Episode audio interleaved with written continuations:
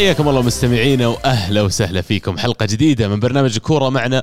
عزيز شب علي كثير الأسبوع الماضي. ليش تقول حلقة كل يوم ثلوث ويوم الثلوث الماضي ما كان عندنا حلقة؟ فببدأ أرحب فيك يا عزيز. حياك. يا هلا وسهلا يا عبد الله وهلا في المستمعين وهلا فيكم جميعا. تغير أم المزاج عن آخر مرة حكينا. حلقة مختلفة طبيعي طبيعي المشاعر يعني ما أقدر أوصفها صراحة حاليا. من قدك معانا كمان شنب الذيب ابو شامسي هلا فيك عبد الله وهلا فيك عزيز وسعيدين إن نشوفك سعيد اليوم معنا. حبيبي والله. الله يجعلها دوم. ومعنا كمان ألمو اللي مرة مبسوط بس من بعيد. أهلا وسهلا فيكم جميعا. فعلا الحلقة راح تكون مختلفة إن شاء الله هذا الأسبوع لأسباب عدة طبعا.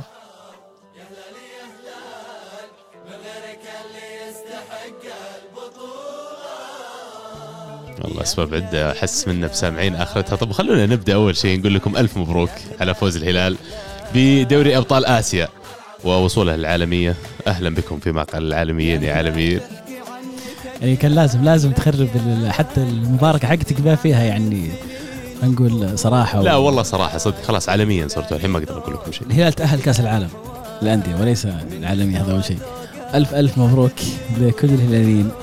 وكل من كان يشجع الهلال الوطن بشكل عام.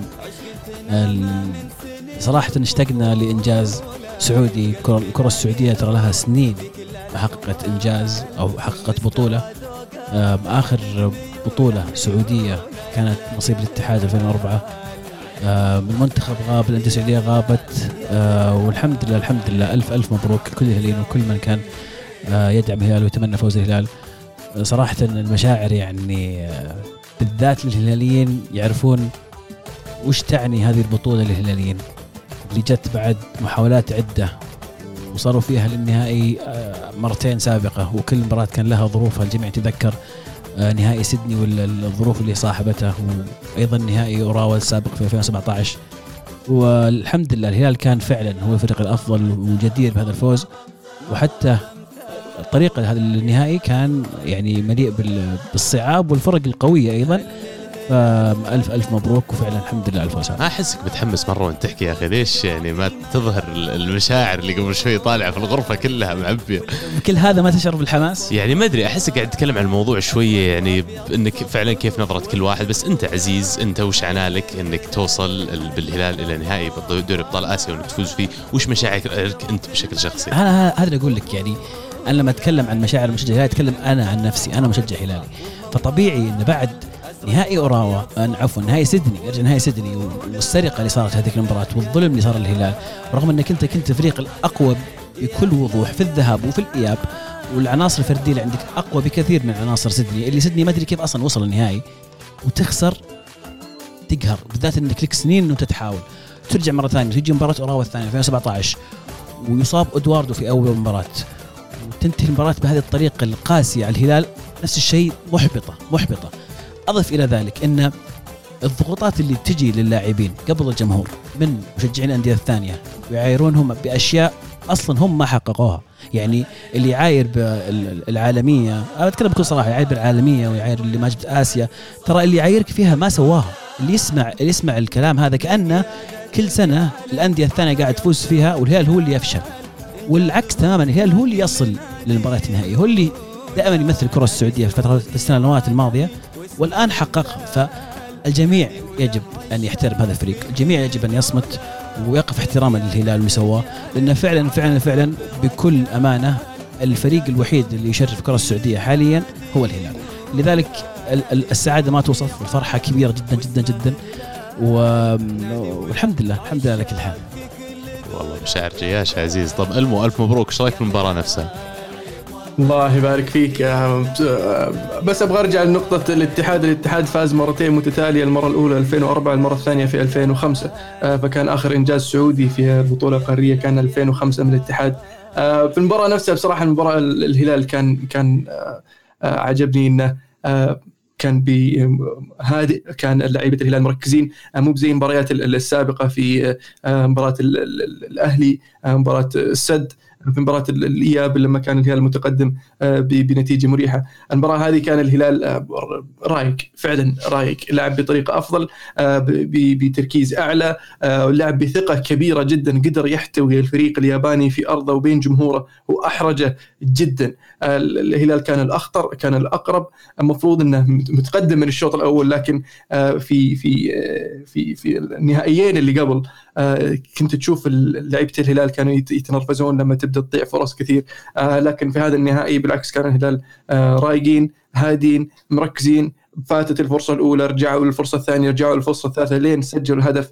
آه، ولما سجل الهدف آه، خلاص آه، تحس إن ال- ال- الأمور آه، صارت أسلس والابواب فتحت للهلال وقدر يخلص المباراة بهدف ثاني آه، في آخر الدقائق. آه، ال- ال- الأجانب في الهلال هذا الموسم آه، كاريو إدواردو آه، وجوميز وجوفينكو. ادواردو طبعا اللي ناسي كان ادواردو في دور مجموعات موجود آه، قبل آه، قبل آه، في الموسم الماضي يعني. آه، فكان له دور في في في وصول الهلال إلى إلى هذا اللقب. آه، ف الآن يعني أنا اللي أطمح إليه إنه نرجع مرة ثانية للنهائي الموسم القادم ونأخذ اللقب المرة الثانية. آه، ليش لا؟ والله ألف مبروك من جديد تستاهلون. آه، الواحد يفرح فعلا الأرقام هذه تكسر ويفرح بإنجاز الوطن. عاد إذا تسألني إذا كان ودي النصر ولا لا، أكيد بقول لك النصر لكن ما يمنع إني فعلا سعيد إن انكسر الرقم اللي ذكرته قبل شوي. فعلا 15 سنة 15 سنة على على مستوى الأندية ولا المنتخبات ما تحقق شيء قاريا رقم كبير يعني. فعلا. آه طبعا في مشاركات كثير على الهاشتاج مباركات الهلال ناخذ مشاركة كريسبو يقول ألف مبروك فوز الهلال أتوقع بعد شفناه اليوم مستحيل نشكك في مقولة الهلال فريق آسيوي بإمكانيات أوروبية. إضافة للكلام اللي قاله الطريق الأسلوب اللي لعب فيه الهلال في مباراة الإياب كان رائع بحيث إنه أنا كنت شايل هم إنه ينزل فريق منضغط ويتكتل دفاعيا لأنه فايز 1-0 يبغى يحافظ على شباكه. العكس تماما صار الهلال نزل وبحث عن الفوز وفعلا هذا اللي صار في المباراة.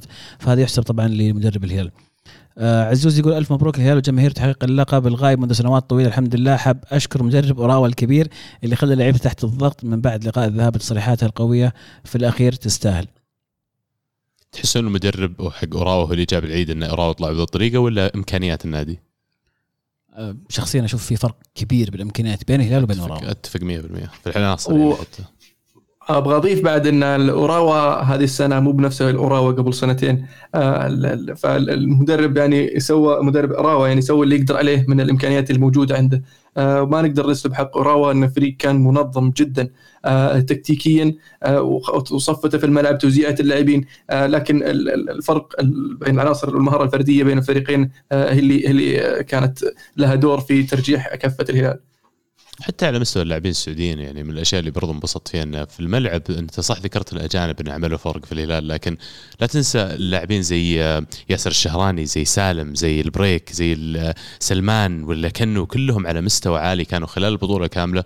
وأنا أتوقع إن الآن في هذه الوضعية والفريق هذا تحديدا حق الهلال أقوى حتى من أندية الشرق يعني حتى اللي يقول إن أوراوا وصل بالغلط للنهائي أتوقع لسه أقوى من الأندية الثانية اللي راح قبلها أتفق معك عبد الله ال- ال- الفريق في عمل كبير صار في الهلال. ال- الموضوع ما جاء في يوم وليلة ولا هو يعني فريق جمعوه في في الصيف الماضي عشان يشارك في البطولة هذه.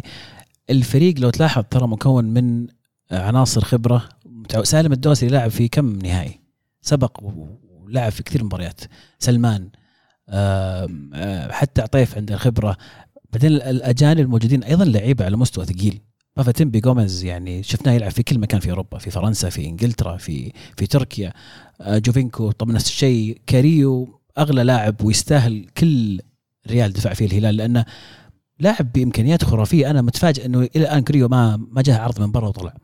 لاعب لاعب مش ممكن يعني الفرق اللي سواه هذا اللاعب في مباراتين ذهاب وإياب في اوقات الحسم فالفريق بشكل كامل بني وجهز إنه يشارك في هذه البطولات ويفوز. واللي يعجبني في بعد كل هذا لعيبة الهلال يقول نفرح اليوم وبكرة ونرجع نركز على الدوري كأس الملك. فواضح إن الطموح ما يوقف هنا الطموح مستمر.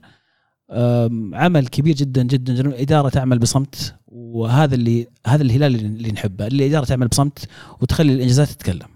قاعد تقول ان حتى الإدارات السابقة كان لها دور في الإنجاز هذا. بكل تأكيد. ارجع إدارات سابقة وتكاتفهم ووقوفهم مع بعض. شوف اليوم في استقبال في المطار كل رؤساء الأندية السابقين كانوا موجودين. لأن يتغير رئيس ويجي رئيس وفي الأخير الهدف واحد هو دعم الهلال.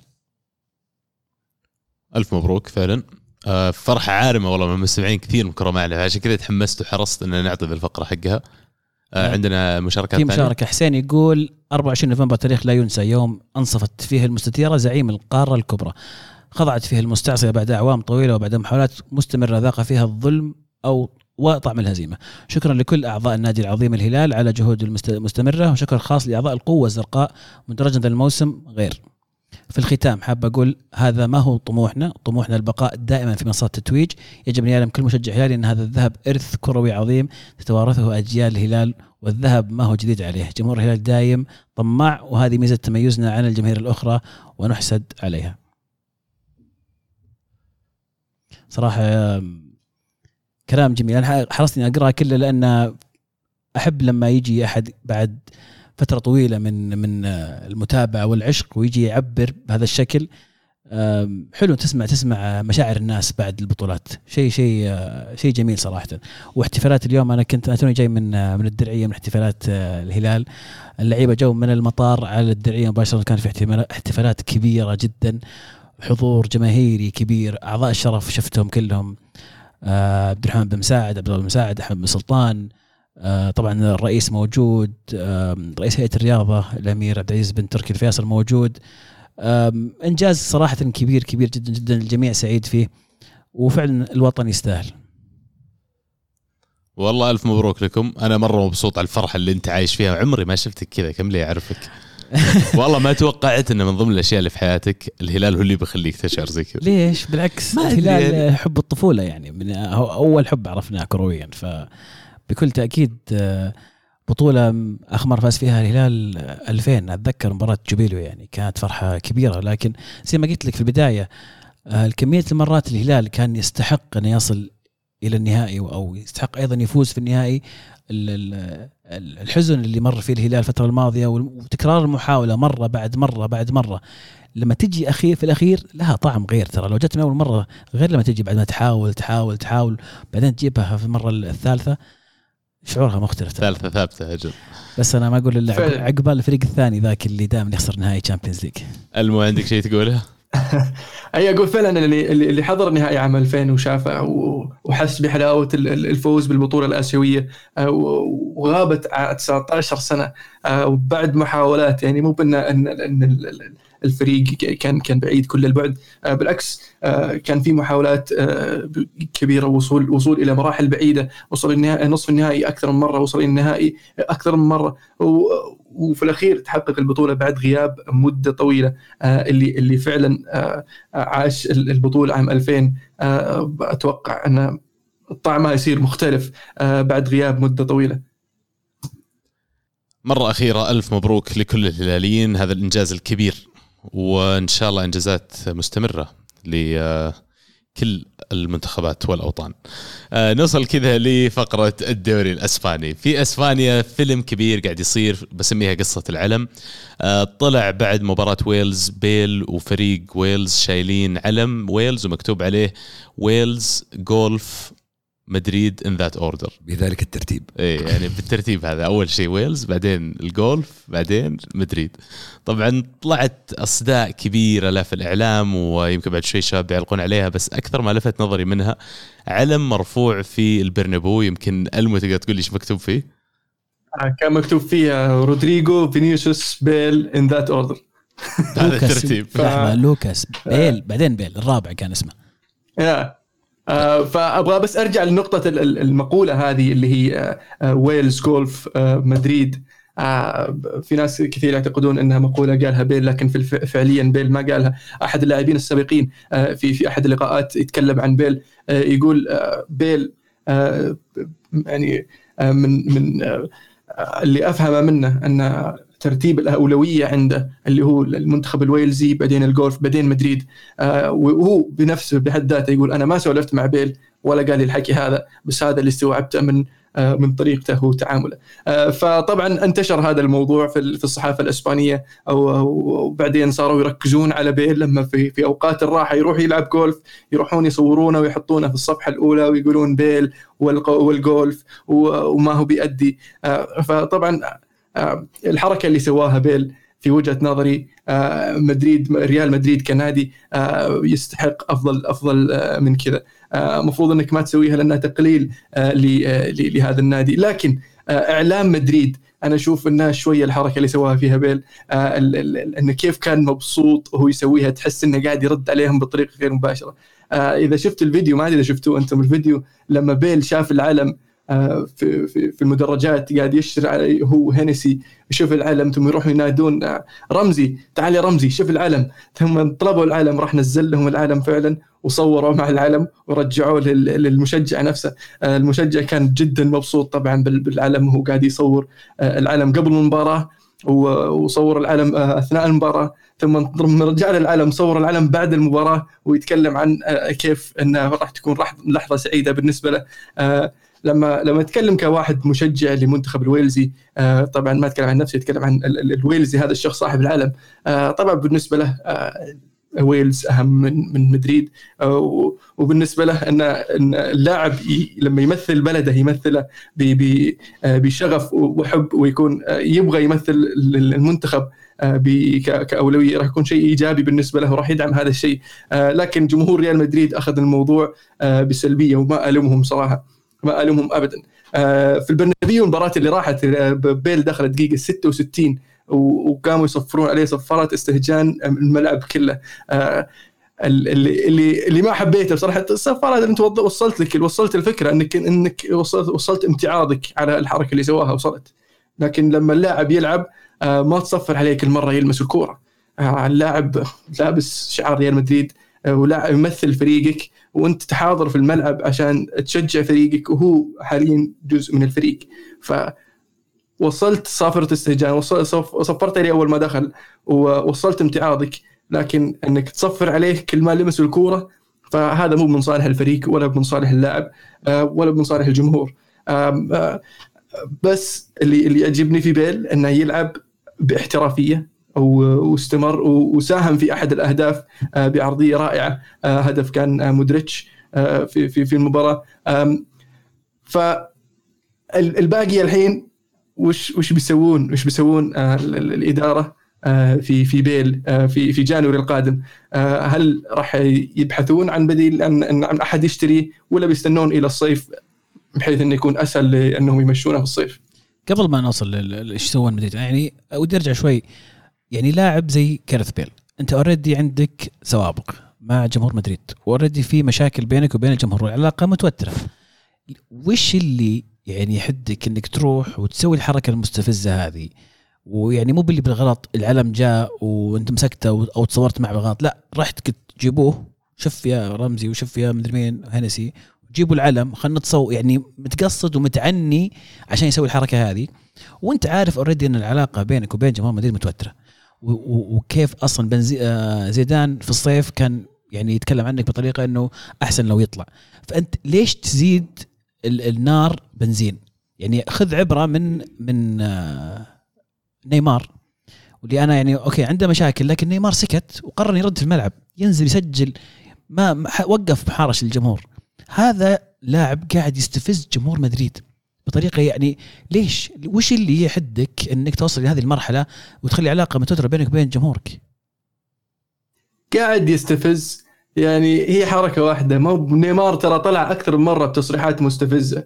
مو بتصريح واحد إنه التصريح الأول إنه لما قال أفضل مباراة لي يوم نسوي الريمونتادا على بي اس جي وهو لاعب بي اس جي آه، وتكلم عن آه، قديش يحب برشلونة قديش يبغى يرجع برشلونة أكثر مرة. ف آه، نيمار كان يستفز الجمهور الباريسي. حتى لكن حتى بيل. بيل بيل قاعد ما ما تكلم عن أي شيء عن هذه الأشياء. كل مرة يسألونه آه، يحكي باحترافية وباحترام. آه، بس هذه الحركة الوحيدة اللي سواها آه، خلت بعض الكثير من الجماهير يمتعضون منه. لكن اللي اللي اللي ما عجبني في الصحافة المدريدية يعني طبعا أنا ما عندي مشكلة مع الجمهور المدريدي أنا عندي مشكلة مع الصحافة المدريدية لأن بعضهم آه، يحب ان النفاق وبل نافق في هذه اللحظة أن بعد ما دعمناك ووقفنا صفك وبعد ما كنت سيء وسوينا لك وفعلنا لك تسوي فينا هالحركة آه، فتتكلم على على أساس أنك يعني كنت أنت الشخص الصحفي أو الصحيفة الداعمة لجارت بيل وللفريق مع أنك يعني كنت عكس ذلك تماما. آه، تنتظر الزلة من جارث بيل عشان تحطه في الصفحة الرئيسية. تستناه يروح يلعب جولف عشان تقول شوف قاعد يلعب جولف. كأنه يعني ساحب على التدريبات أو ساحب على الفريق عشان يلعب جولف. ف إدارة عفوا آه، الصحافة نفسها قاعدة تحاول تبعد يعني تسوي عدم الاستقرار في في في في جارث بيل نفسه على أساس إنه هو يختار إنه يطلع. آه لكن ما فلحوا ولا قدروا يخلونه يمشي لأنه قاعد وما عنده مشكلة يقعد آه المدرب برضو ما ساعد هذا الشيء زيدان في الصيف آه ما ساعد في حل المشكلة هذه بالعكس بل زادها لما بدأ بتصريحاته إنه المفروض يمشي خلال 24 إلى 48 ساعة آه فمين استفاد من من تصريحاتك الهبلة هذه؟ مين استفاد؟ حتى اليوم لما جو الصين وجت سالفة الصين بيروح الصين مين اللي وقف في في هذه الصفقة في في وجه هذه الصفقة؟ الإدارة قالوا ليش نخليه يمشي ببلاش؟ إحنا نقدر ناخذ منه كم قرش. فقالوا لا ما انت برايح الصين بتقعد. في الاخير وقفوا ضد المدرب. فأحرجوا زيدان وزيدان أحرج نفسه مع الإعلام والجمهور والإدارة واللاعب حط نفسه في موقف محرج. ف يعني حركة واحدة سواها بيل يعني ما كان ما كان يستاهلها النادي. بس آه، يعني بالنسبة للي للي مر فيه آه، أنا أتفهم وجهة نظره. ما أقول إنه صح ابدا. أنا أشوف إنه خطا لكن أتفهم وجهة نظر لما فرح بالعالم نفسه. تحليلك جميل الصراحة أنا ما اتفق معك فيه لأن يعني أشوف الحركات من إدارة مدريد تجاه بيل خلال الفترة الماضية هي اللي تسبب اللاعب إنه يحس إنه غير مرغوب فيه. آه جيت بمشي ما خليتوني أمشي. آه في نفس الوقت كلام المدرب في الإعلام في الصحافة. آه ما هو الكلام اللي يحس اللاعب بالثقة يحس اللاعب إنه له مكان في الفريق هذا. ويعني هي شوف حركة سخيفة يعني غبية إلى حد ما. بس أحس إنها جت في هبة اللحظة. حماس الموقف توهم متأهلين مبسوطين شاف العالم قدامه جاء سحبه. فأحس إن الموضوع ممكن الإعلام اعطوه أكبر من حجمه بشوي. محمد تشوف إن رد بيل للمدرب والإدارة باستفساد الجمهور؟ تشوف هذه الطريقة الصحيحة انه يرد عليهم أنا مش كذا أقول لك الحركة غبية الحركة سخيفة ما أقول لك الحركه أنت أتفق معك بس انه, أنا إنه بعد اللي جاه من الإدارة ومن المدرب إنه هذا كان رد عليهم. هذا أنا أشوف انه استفز الجمهور ما رد على الإدارة ولا على المدرب. أنا أتفهم آه، اللاعب موقفه لما يشوف انه طبعا أنا ما أتكلم عن الجمهور أتكلم عن الرسالة بين النادي وبين اللاعب إنه هو بالنسبة له الرسالة هذه موجهة إلى النادي. لا هي هي رسالة قدام الناس كلها وتخص مدريد مكتوب مدريد. معناته مدريد هو بالنسبة لي يعني بعد الجولف مو هذا قصدي. وال والمتلقي الأول لهذه الرسالة هو الجمهور. لازم تحط في بالك ان الجمهور. مو هذا قصدي بإن الحركة سخيفة وما لها داعي كان أصلاً. ممكن يرد على الإدارة وزيدان. طريقة أفضل صحيح. بينهم بينه وبينهم. وبلازم قدام العالم ويستفز الجمهور فيها. صحيح. فعليا ترى هو ما ما قال ما قال هذا الكلام. هو مصور مع علم ويلز. يعني ما له دخل هم اي أنت قاعد تمشي على الخط. إيه في 20 علم ويلز غير هذا العلم يا لا, لا نستهبل اي بس هذا هذا العلم يرمز إلى شيء. وشاق أم الابتسامة هو قاعد يصور أيوه شاق الابتسامة نعم صحيح. لكن وما قال هو أني أفضل ويلز والجولف على على ريال مدريد. إلا ما في أي دليل. عموما عموما إلا قال. ما يفرق حتى لو قال يحق إلا بلده يعني. كم علم ويلز في الملعب فيه؟ كم كم علم ويلز يجيبها يا أخي شفت نكتة وعجبتك وضحكت عليها وقلت لاخوياك تعالوا شوفوا النكتة. أوف والله ذا نكتة مرة يضحك. يلا تعالوا تعالوا بس نكتة على مديرك. هي شوف ما أقول لك موقف في هولة الموقف صارت. أنا أشوف إنها غير مقبولة تماما. أنتم قاعدين تبررون أنا أشوف إنها غير مقبولة تماما. أنا ما قلت لك انها إنها مقبولة ما قلت لك تبررون لا تقول شوف انه أوكي لاحظت الموقف و... أنا بتفق معه بس أتفهم وجهة نظره أتفهم ليش سوى كذا. أبغى أضيف إلى إلى مشكلته مع الإعلام والمدرب آه، مشكلته مع بعض اللاعبين اللي طلعوا أكثر مرة في تصريحات ان بيل آه، ما يسولف معنا بيل ما يجتمع معنا بيل آه، ما يطلع يتعشى معنا. يعني بيل بيل ينام بدري والاسبان يعني يحبون يتعشون الساعة 9 10 بالليل والرجال ينام الساعة 8 9 ف يشيلون علينا ليش ما جيت تتعشى معنا يا أبو الشباب؟ وإحنا طالعين نتعشى كلنا فريق. ف وتطلع المشكلة إنك تطلع في الإعلام وتقول إنه والله بيل ما يجي يجتمع معنا بيل ما يسولف معنا. هذا يعني أنت برضه قاعد ترسل رسالة للجمهور وللإعلام عشان يزيدون السالفة ويزيدون الشرخ بين اللاعب آه، والجمهور والإدارة. فانا أشوف ان ريال مدريد آه، بإدارتهم لحالة بيل هي اللي أدت إلى وصول اللاعب إلى هذه الحالة وإلى هذه التعليق بالطريقة هذه. أتفق معك يا ألمو 100% في النقطة هذه. ما يسولف لأنه ما يتكلم إسباني عشان كذا. عموما آه، إسبانيا أتوقع غطينا اللي راح نغطيه فيه اليوم آه، ما صار شيء كثير غير أن برشلونة قاعدين يفوزون بأداءات سيئة جدا أو أداءات باهتة زي ما يحب يسميها ألمو سوالي السالفة قبل الحلقة على الكلمة هذه يعني الكول أوت عليها ألمو بس يعني آه، لأن يعني أقول لك أداء باهت تقول لا بس يا أخي أداء سيء. طيب يا أخي سيء هو نفس الشيء. أداء يعني كان خايس وفازوا بكرات ثابتة. والمشكلة أنه مو بأول مرة يعني يفوزون بأداء باهت بكرات ثابتة. صارت أكثر من مرة والأمور تتكرر نفسها على أسبوع. آه، ف آه، أتمنى أتمنى لصالح ولمصلحة النادي أن تكون هذا آخر موسم لفالفيردي.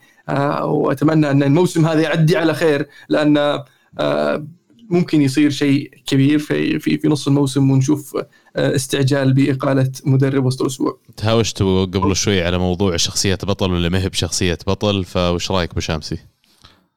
على حقة برشلونه والله ما أنت معنا شوف هي أنا قلتها أكثر من مرة إن البطل أحيانا لازم يفوز مباريات وما يكون هو في أفضل مستوى كان رد ألمو علي جدا قاسي اللي ترى مباراة واحدة مو بثلاث أربع مباريات ورا بعض. هلا موجود مو مو موجود. عندك وجهة نظري ألمو بس إذا أنا فزت في الثلاث أربع مباريات ورا بعض مستواي سيء وفجأة تحسن مستواي وصفيت بالدوري فأثبتت النقطة يعني. عزيز فريق يقدر يفوز بشامبيونز ليج يقدر يفوز بالدوري الإسباني. هل الناس اللي موجودين والريكروتمنت اللي سووه خلال السنوات الماضية والكم الصيفية الماضية قاعدة تعمل فرق لأن أنا قاعد أشوف أنا مثلا جريزمان للحين مو بلاقي مكانه في كم لاعب مو بلاقي مكانهم.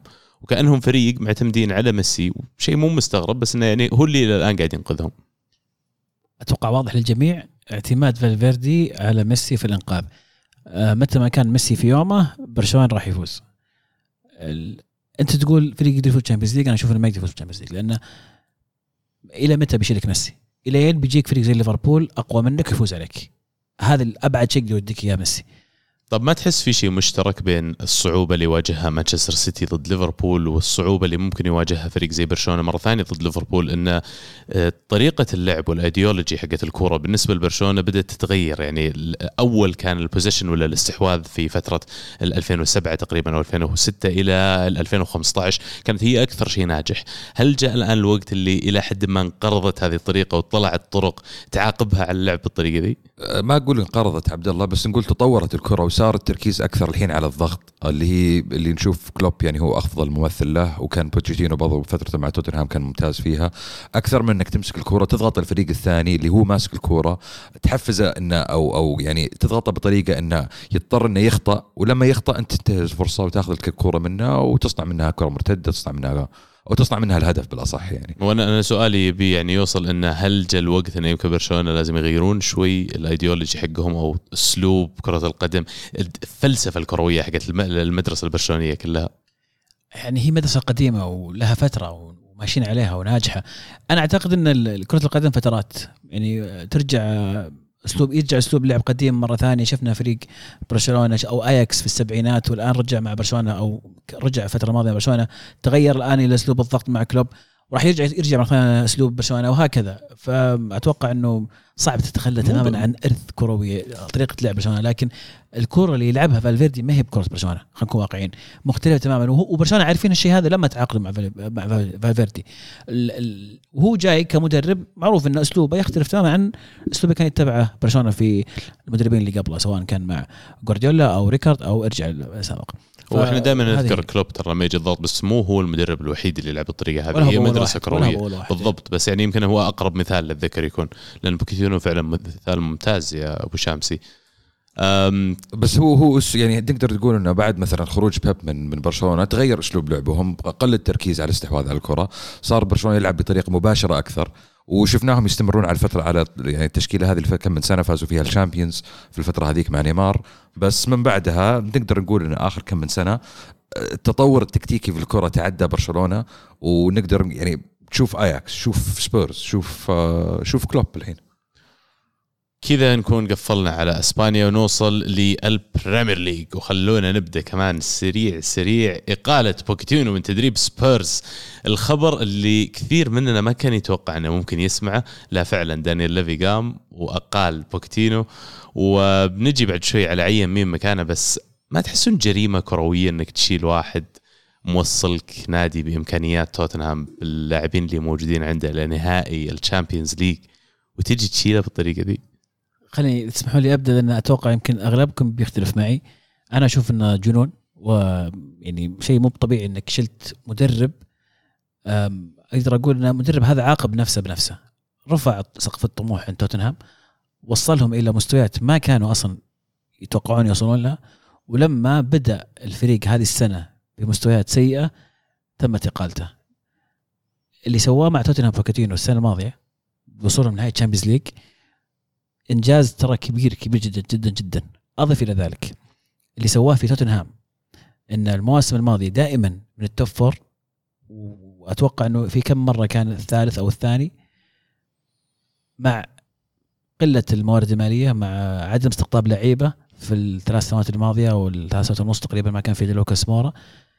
المحافظة على نجوم كبار اقنعهم ان يقعدون رغم إنهم ممكن يلعبون في أي نادي في العالم هاري كين إريكسون فيرتونجن امش أسماء كثيرة ديري الي أشوف انه استعجلوا آه إدارة سبيرز إلا إن كان في شيء ما نعرف عنه خلاف صار بينه وبين المدرب اختلاف آراء آه مشكلة في غرفة الملابس هذا شيء ما أعرف عنها. ولكن المنظر الخارجي بالنسبة لي كشخص ينظر من الخارج أشوف انه آه فيها جنون صراحة. آه تصحيح لكم نقطة من النقاط اللي قلتها عزيز. آه Wow. كان بادي بادي حامي لا لا بس لنا بس لل, لل يعني للدقة. آه فعلا وصل إلى المركز الثاني سبيرز مرة واحدة خلال مسيرته مع توتنهام. كان في. موسم 2017 لما تشيلسي فاز بالدوري مع كونتي. أه. آه صرف في الصيف الماضي ما صرف ولا شيء بس ال- ال- الصيفيات اللي قبلها صرف كثير. ما نقول كثير بس نسبيا بالنسبة لهم ما استحن إنه يصرف الفلوس اللي يقدر يصرفها. متى؟ على مين؟ على بطلع لك الأسامي الحين بس بمشي معك في النقاط. لا بس أنا الآن ترى كل نقاطي صح إلى الآن. أنا قلت ثاني ثالث ثاني وثالث. إيه، طبعاً. أنا أشوف أن المشكلة اللي صارت ما كانت مبنية على أداء توتنهام الموسم هذا فقط آه كانت آه ممتدة من أداء توتنهام الموسم الماضي. الشيء الغريب اللي شفناه انه من يوم إن آه، من القدوم المدرب الجديد انه 12 مباراة متتالية خارج أرضه توتنهام ما قدر يفوز، المدرب الجديد حضر وفاز من أول مباراة خارج أرضه، تكلم من يناير إلين الحين، لا لا بس أنا بعطيك بالأرقام. من يناير إلى الحين ما عرف يفوز توتنهام خارج أرضه في 12 مباراة متتالية.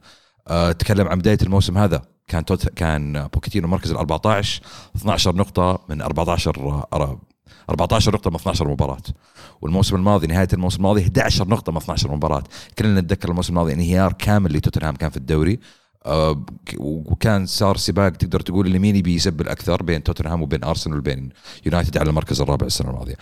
أنا شخصيا متفاجئ من ناحية القرار هذا بسبب بسبب آه، واحد إني ما توقعت إنه يصير بالسرعة هذه.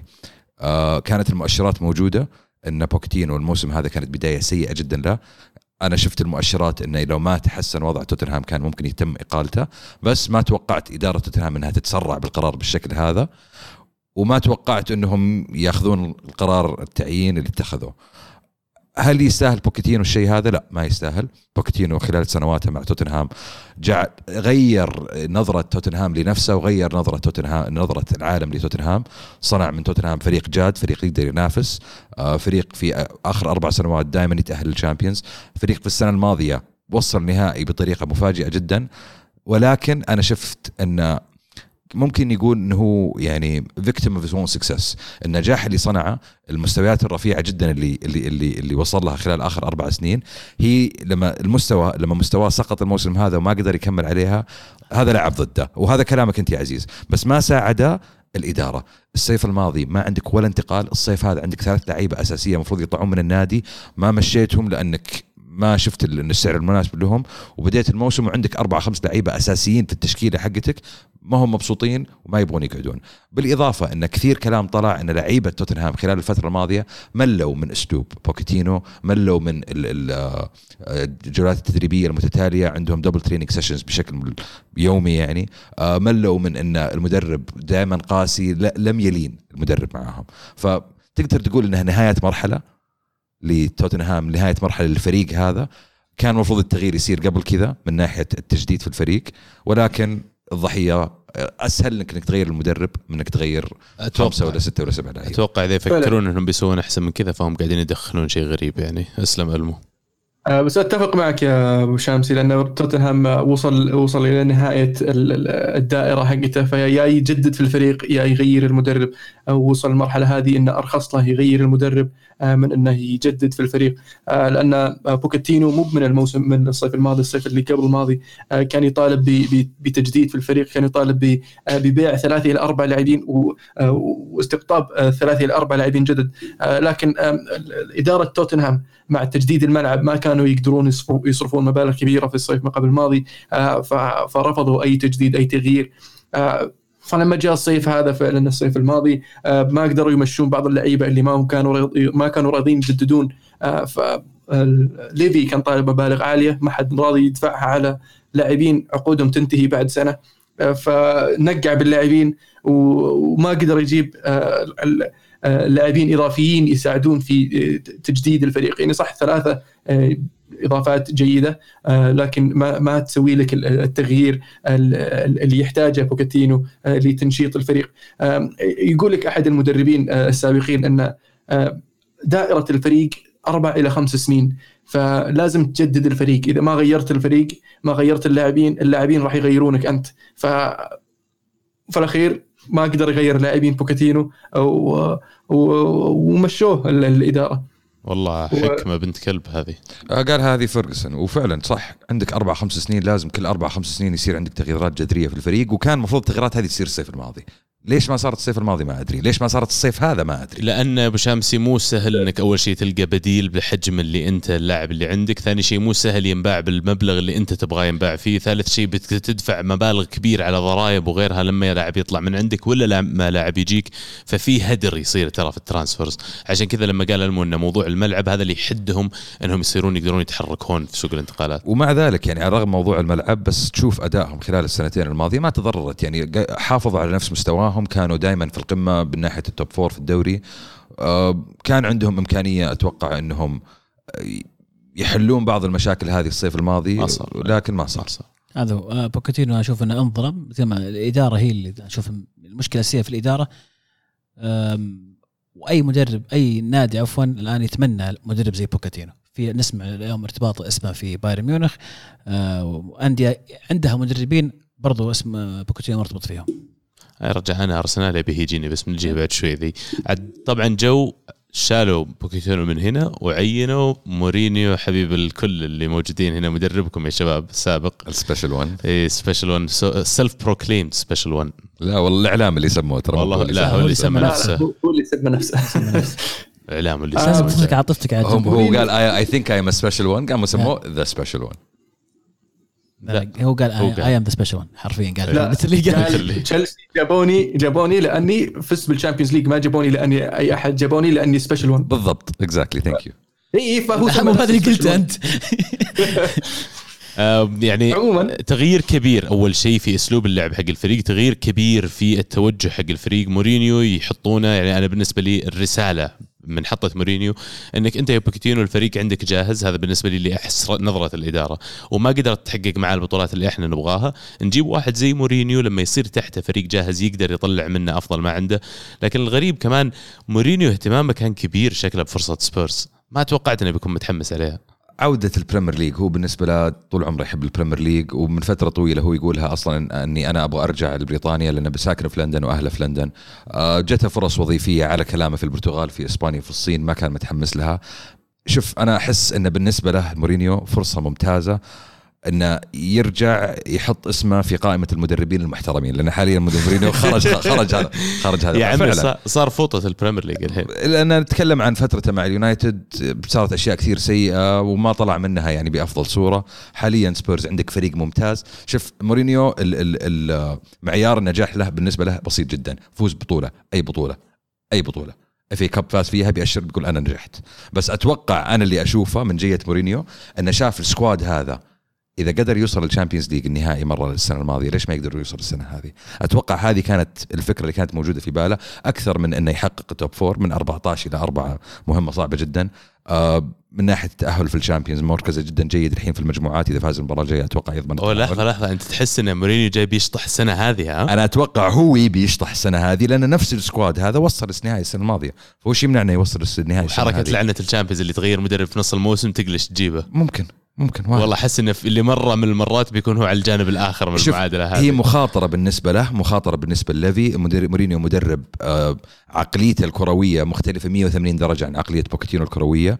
آه، شغل خمس سنين السنة الماضية ما ودك تكبه في الزبالة بس تبي تنجح تبي تنجح بأي طريقة وأنت تعرف إن هذا الشخص الشخص يعرف النجاح بأشكالها المختلفة. وفازوا أول مباراة 3 2 فازوا أول مباراة 3 2 وترى المباراة على فكرة كانت 3 0 إلين ما جو هدفين متأخرين لويست هام فكانت أفضل لتوتنهام النتيجة 3 0 إنه والمستوى اللي لعب فيه كان رائع كان فعلا رائع جدد في الهجوم غير في التكتيك حق الفريق تتوقعون طيب اللاعبين حقين سبيرز مستانسين على التغيير ده؟ يا رجال تدري إيش داخل عليهم إيش قايل لهم؟ قال لهم بصير أنا بس جاي بصير صاحبك بصير أبوك بصير أمك بصير اللي تبيه بس أنت ألعب معي وصير أسلوبك كويس عزيز وراك تبوسم يعني صراحة مفاجأة كبيرة بالنسبة لي شخصيا عودة مورينيو للسبيرز أه، يمكن أختلف مع محمد في نقطة إنه كان عنده عروض ثانية. أنا أعتقد إنه هو the desperate one اليائس إنه أفضل فريق جاه عطوا قبل فريق في الدوري الانجليزي وفريق واصل نهائي Champions League ابى ابى أروح الا إلا. يعني أتوقع إنه كان يتمنى يجي عرض من نادي أكبر لكن ما جاء.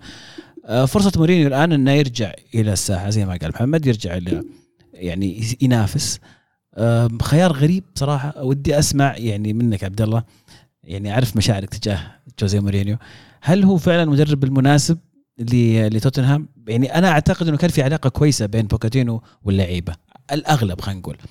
فجاء مدرب بشخصية مختلفة تماما. مورينيو شخصيته خلينا نقول bigger ego عنده من أكبر من من بوكاتينو. ومن النوع اللي في الإعلام لما يطلع يتكلم ما عنده مانع يرمي فلان تحت الباص يعني عادي. فمدى تفاؤلك بتجربة مورينيو مع توتنهام. يا أخي ما أدري أنا بترك موضوع مشاعري على جنب. يعني أنا أشعر أن مورينيو بعد كل التجارب اللي مر فيها الحين فترتين تشيلسي إنتر ميلان مدريد بورتو وكمان حتى أهم من هذول كلهم تجربته مع مانشستر يونايتد في ال Premier League خذ فترة من بعدها شبه إجازة. له فترة الآن ينتظر ويفكر آه، اشتغل فترة. يحلل إي محلل هذا اللي بقول لك فخذ وقت كفاية إنه يشوف he reflects على التجربة هذه ويشوف إيش ممكن يتعلم منها. أحس إن مورينيو مورينيو هذا النوعية اللي الحين بنشوفها ومورينيو الإصدار هذا راح يكون مختلف عن أي مورينيو شفناه قبل. أنا أشعر إنه راح يعيد اكتشاف حبه للعب. وبالعكس أشوف إنه مو بسالفة desperate زي ما قلت ولا إنه مستذبح مو بلاقي أحد. أحس إنه حتى هو يقول إنه لازم ياخذ تجربة زي سبيرز عشان يرجع ويقدر ال game من جديد يقدر اللي هو قاعد يسويه من جديد. ما أدري يعني ألمو إذا. توافقني في الرأي. مكسور الرجال. مو مكسور خبرة خبرة صارت عنده خبرة وصار متواضع أكثر أحس.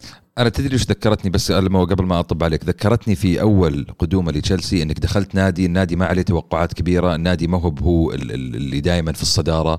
وتأخذ النادي هذا وتنافس الفرق اللي أكبر منك. أنا هذا الشعور اللي جاني لما لما يعني أول ما تم إعلانه. المو تحس يعمل فرق لما تشوف المواضيع من بعيد زي ما هو شافها الفترة الماضية تتطور أكثر؟ آه، فعلا. لأن طبعا مورينيو دائما ما يكون آه، في أفضل حالاته لما يصير مع فريق زي ما قال آه، بشانسي underdogs الفريق اللي مو متوقع منه الكثير. آه، لأن فوزه بال Champions League مع بورتو آه، أول موسمين له مع تشيلسي فاز بالدوري بعد غياب 50 سنة. فهذه الفرق اللي حقق فيها أكبر نجاحات. بالإضافة إلى إلى إلى إنتر ميلان لأن إنتر ميلان صح في الدوري ما كان فيه يوفي وميلان آه، في المنافسة ففاز بالدوري مرتين. لكن في ال Champions League نفسها آه، ما في كثير كانوا يتوقعون أن الإنتر بيفوز لأن كانت هذيك الفترة فترة بيب جوارديولا ميسي برشلونة. ف آه، وراح فاز بالثلاثية هذاك الموسم. آه، ف وجوده مع توتنهام بفريق اللي والعناصر اللي عندهم ترى ترى upgrade كبير كبير على فريقه مع مانشستر يونايتد فريقه اللي أخذ فيه أكبر إنجازاته. المركز الثاني 19 نقطة فرق عن الأول مانشستر سيتي هذاك الفريق اللي اللي كان مانشستر يونايتد هذا الفريق الحين مع توتنهام upgrade كبير جدا. آه، ال- ال- العناصر اللي عنده يقدر يلعب فيهم آه، بطريقة لعبه التكتل الدفاعي. آه، عنده هداف خرافي من الطراز الأول في هاري كين. عنده صناع لعب مثل آه، مثل آه، لوكاس آه، مثل إريكسون آه، وعنده وسط لاعبين وسط هدافين مثل ديلي علي وسون أو عنده محاور أقوياء مثل داير ونياما وندومبيلي سيسوكو فعنده عناصر يعني يقدر يفوز فيهم بالدوري الموسم القادم. إذا إذا ما قدر انه يحافظ على أهم عناصر الفريق خاصة في خط الدفاع فأنا أشوف انه آه، توتنهام الموسم القادم آه، من أقوى مرشحين على الدوري. آه، يقول لك آه، ما في فريق في تاريخ ال Premier League حقق 14 نقطة بعد 12 مباراة وقدر يوصل لل top four أنا أتوقع مورينيو راح يحطم هذا الرقم هذا الموسم آه، وراح يستغل تخبطات أحد آه، الفريقين يعني ليستر أو آه، تشيلسي. فالحين آه، أتوقع راح يصير في mind games ويعني وبيبدا مورينيو حركاته الإعلامية وتاثير على على ال- ال- المدربين في الفرق المنافسة آه، في على مدار ال- ال- الموسم. وعودته بصراحة كمتابع ومحب لل Premier League ومحب لمورينيو والجميل بصراحة لل Premier League. ومباراة اليونايتد مع توتنهام قريبة جدا آه، تنتظر الرجعه المشاكل. إيه، الأسبوع الجاي عرفت؟ وأنا أذكركم آه، اليونايتد راح يخسر خسارة نكراء الله يستر. والله العالم متحمسين على جيه شباب مورينيو. مو بس عودة مورينيو. عودة شبيح مورينيو في الهاشتاج لا لا لا لا لا, لا, لا. شبيح مورينيو يقول عودة عودة كبير وسيد وقائد المدربين Special 1 يعود عبر بوابة أحد أكثر الأندية تميزا في السنوات الأخيرة وأحد أكثر الأندية اللي تمتلك إرث كبير. هذا هو النادي الذي يليق باسم Special 1 وهذا ما يعنيه كلامي السابق عن تدريبه لنادي صغير مثل مانشستر إنه بالفعل تطور كبير لتوتنهام. خلينا نكلمه ذا جيبوا رقمه الحلقة الجايه نكلمه لازم. اسلم يا أبو شمسي. عاد مقدرينه مرة ترى على فكرة مدبلين راتبه عن راتب آه، بوتشيتينو أشوف يا أخي. 15 مليون. الأرقام هبال الظاهر. 15 مليون. ثاني واحد Premier League. صار؟ ثاني واحد في ال Premier ترى League يجيب لك يجيب لك سوق يجيب لك marketing الحال اسمه ماركتينج. زي مدرب مورينيو؟ بس على فكرة ترى قايلين لنا ما في فلوس تصرفها في يناير. الله يعينك. هذا السكواد اللي عندك دبر عمرك. فأتوقع لو النذيب لو النذيب يرجع يجيب زلاتان. تتوقع يسوي اللي رخيص توقع الحين بيكون زلتان مجان زلاتان ما عنده شيء. لا بس ان الراتب بيكون قليل. مع إي بس إني ماني بصارف ما عليه يحتاج. ترانسفر. إي بيكون قليل إلا كبير مرة. إيه. بس ليش ليش تروح المورينيو تعطيه 15 مليون باوند ما أفهم.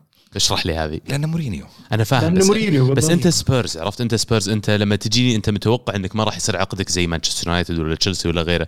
ليش أعطيه نفس العقد؟ آه، الظاهر أعلى اسمح من. حتى عقده مع Man U أقل مو صح؟ تسمح لي؟ تفضل. آه، ليفي ترى قاعد يلاحق مورينيو من عام 2007 من لما أقالوه تشيلسي أول مرة.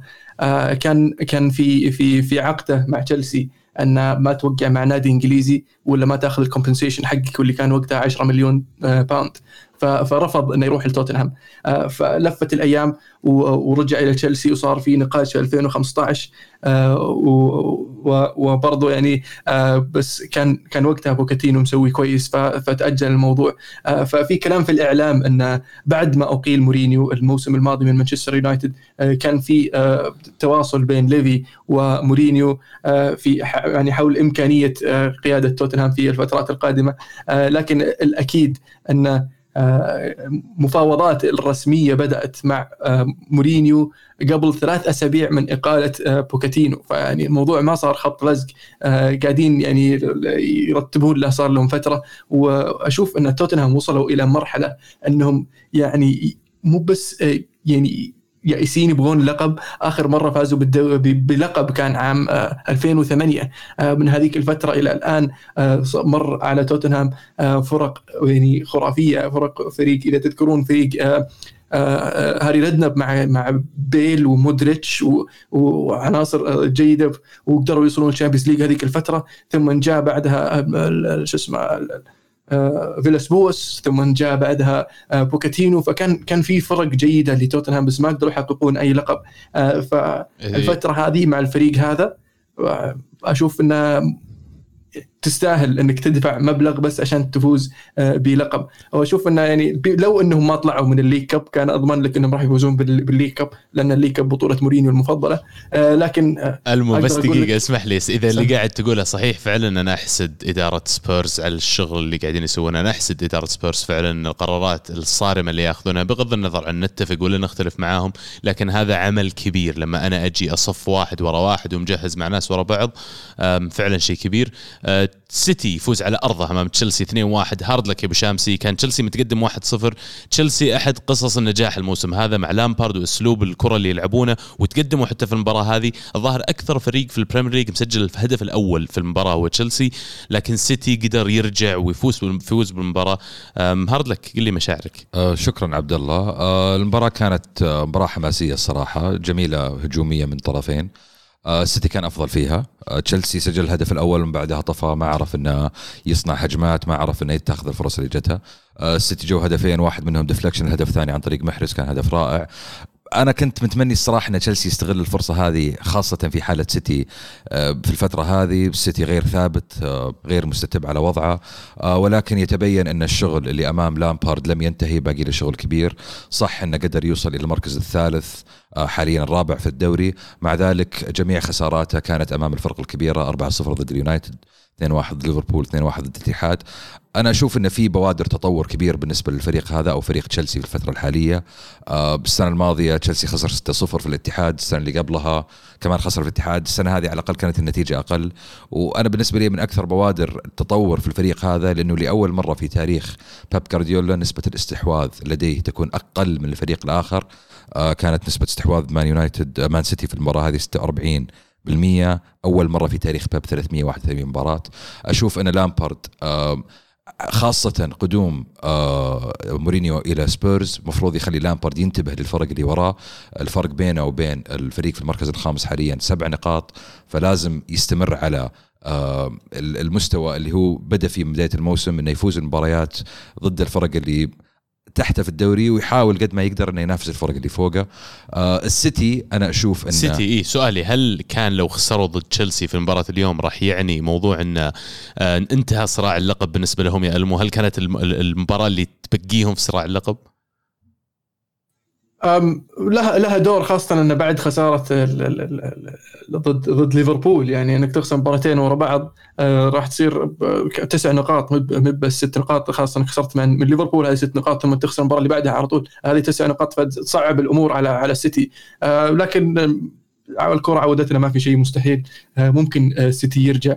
لكن آه، الموضوع بشكل عام يعني فعلا. محسوم لليفر مدافعين السيتي يرجعوا هل تحس عمل فرق ذا الشيء يا بو شامسي ستونز مثلا بدينا نشوف إنه يرجع في مداورة ما بين اللاعبين بالنسبة لجارديولا بدت أجزاء أكبر من الفرقة اللي موجودة عنده ترجع للياقة الكاملة. بس في نفس الوقت ما تشوف أنا يعني حاليا من اللي شفته في السيتي ما حسيت إن السيتي كان في 100% ما كان في أفضل مستوياته شفنا السيتي يلعب أفضل من كذا بكثير في المواسم الماضية.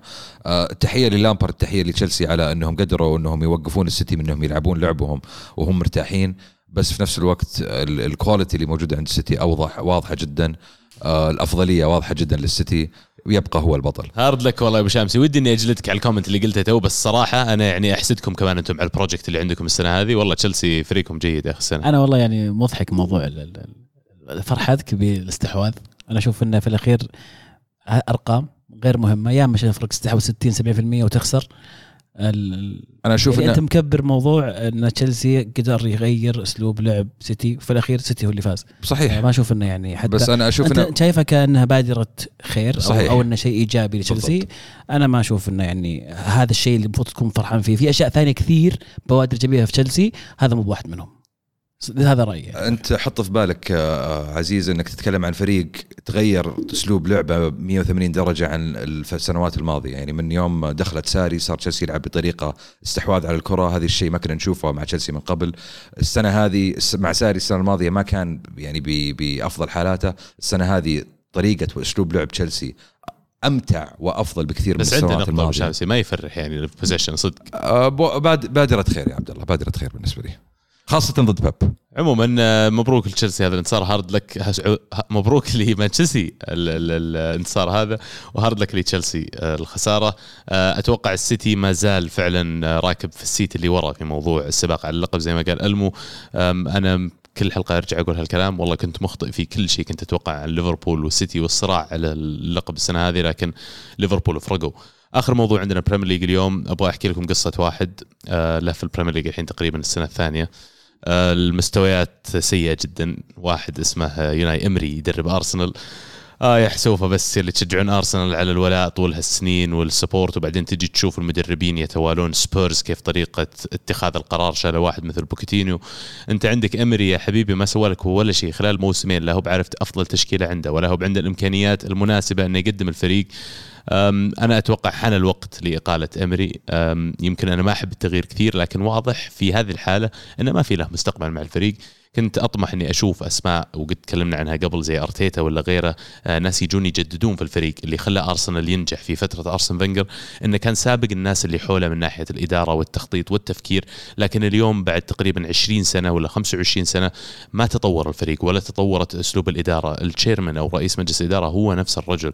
آه، على فكرة قدم استقالته على خلفية اللي قاعد يصير يقال سير تشيبس كيزويك ظاهر اسمه. اي تشيبس كيزويك. رئيس الإدارة. اي رئيس مجلس اداره بريطاني كان من الملاك السابقين اللي باعوا على الامريكي وعلى فكرة بعد آخر مباراة هذه حقت ساوثهامبتون اللي تعادلنا فيها بلا أي استحقاق يعني 2 2 آه، كان المفروض ساوثهامبتون يفوزون فيها فريق خسر أمام ليستر على أرضه 9 0 يجيك وآخر شيء أنت متعادل بالبركة المفروض إنك خسرت المباراة 4 5 1 فيعني ما هي شيء مرضي. حتى في الأخير اللاعبين تحسها فيهم لما سجلوا هدف الفوز لكن زي ما احتفل.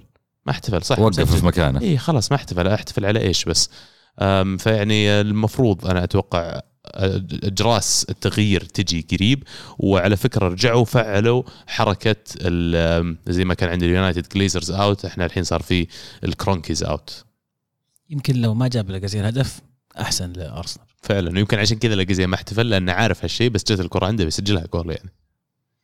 طيب هل تتوقع بوكيتينو يرضى في أرسنال؟ هذا اللي يجيبني الموضوع الثاني أنا أعتقد أنا ودي يجي بوكتينو أرسنال وأتوقع إذا فعلا طلعته من سبيرز بزعلة اذا هذا الوقت المناسب إنك تجيه الحين تعال لو قل له تعال طلعوك سبيرز أنا بعطيك فريق رتبني زي ما رتبتهم وبخليك شوف يا عمي اللي قبلك ارسن فينجر كم قعدناه يا عمي. عاد المشكلة إن دافعين لتوتنهام 12 مليون على الطردة وإذا ما إذا بشرط إنه ما يتوظف لفترة ست شهور فما ما. يتوظف تماما؟ لفترة ست شهور. حتى أندية برا ها؟ أي أندية أي نادي يتوظف فيه يقطع عنه. أجل يمكن هذا الشيء منطقي لأنه يقولون إن اللي موقفهم من إقالة أمري حاليا انه ما في عندهم بديل في بالهم جاهز اليوم وإنهم يفضلون الانتظار لنهاية الموسم بغض النظر عن وش يصير وآخر جانب من ال argument هذا يمكن أنت جايب امري لأنه مشهور في ال Europa League وأنت الآن في ال Europa League فيمكن ما تزال عندك فرصة أنك تخليه لنهايه الموسم حتى لو كنت بتقيله تاخذ منه الخبرة هذه حقت المشاركة في ال Europa League يمكن تقدر تفوز فيها وترجع ال Champions مع إنه يقولون السنة هذه فرق ثقيلة مرة بتنزل لنا من فوق وش الهبال ذا وللأسف يعني عبد الله ما هو بالشيء اللي المفروض أنا أطمح له كمشجع أرسنال أو.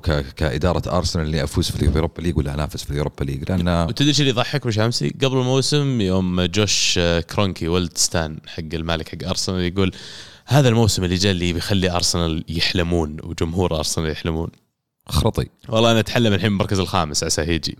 شيفيلد أحسن مني يا رجال استمر استمر في الأحلام يا عبد الله استمر في والله الأحلام. الوضع صعب الوضع صعب يا أبو شامسي عموما هذه المواضيع اللي معانا اليوم في ال Premier League ونوصل لإيطاليا أشوفك تلعب بالشال عزيز واخذ منك حتى شال الهلال إيش رأيك فيه بس؟ والله يعني حرصت جدا إنه يكون معي اليوم في تسجيل الحلقة هذه أتوقع رابع مرة تجي وأنت لابس يا بلوزة هلال أو شال هلال. لا شال أول مرة أتوقع يعني. لما أحطها مع بلوزة هلال ثلاث مرات بلوزة الهلال سجلت فيها قبل إيه، بلوزة ممكن الهلال. ممكن صحيح. بس يعني موسم إنجازات الحمد لله. على طاري الهلال كيف إيطاليا الأسبوع هذا؟ لأن يقولون نابولي في ثورة نابوليتانية صايرة في هوشة كبيرة ما بين المدرب واللاعبين من جهة وما بين مالك النادي من جهة وفي وقف رواتب وفيلم. حكينا شوي عنها عزيز. يعني اللي صاير إنه آلن مطالب إنه يدفع 50% من راتبه يرجع 50% من راتبه اللي استلمه هذا مباشرة آلن. كلام كثير عن ميرتنز كاليخون. وآلن وكوليبالي كلهم بيطلعون خلال يناير أو الصيف. هذا أهم خمس لاعبين عندهم. نسيني بالضبط. بعد. ونسيني معهم صح. بس. أهم خمس لعيبة آه، بعضهم راح يغادر في يناير بعضهم راح يغادر في الصيف. تغيير كبير. وأنشيلوتي أيضا مهدد بال بال بالإقالة. ما أدري إيش قاعد يصير في نابولي صراحة.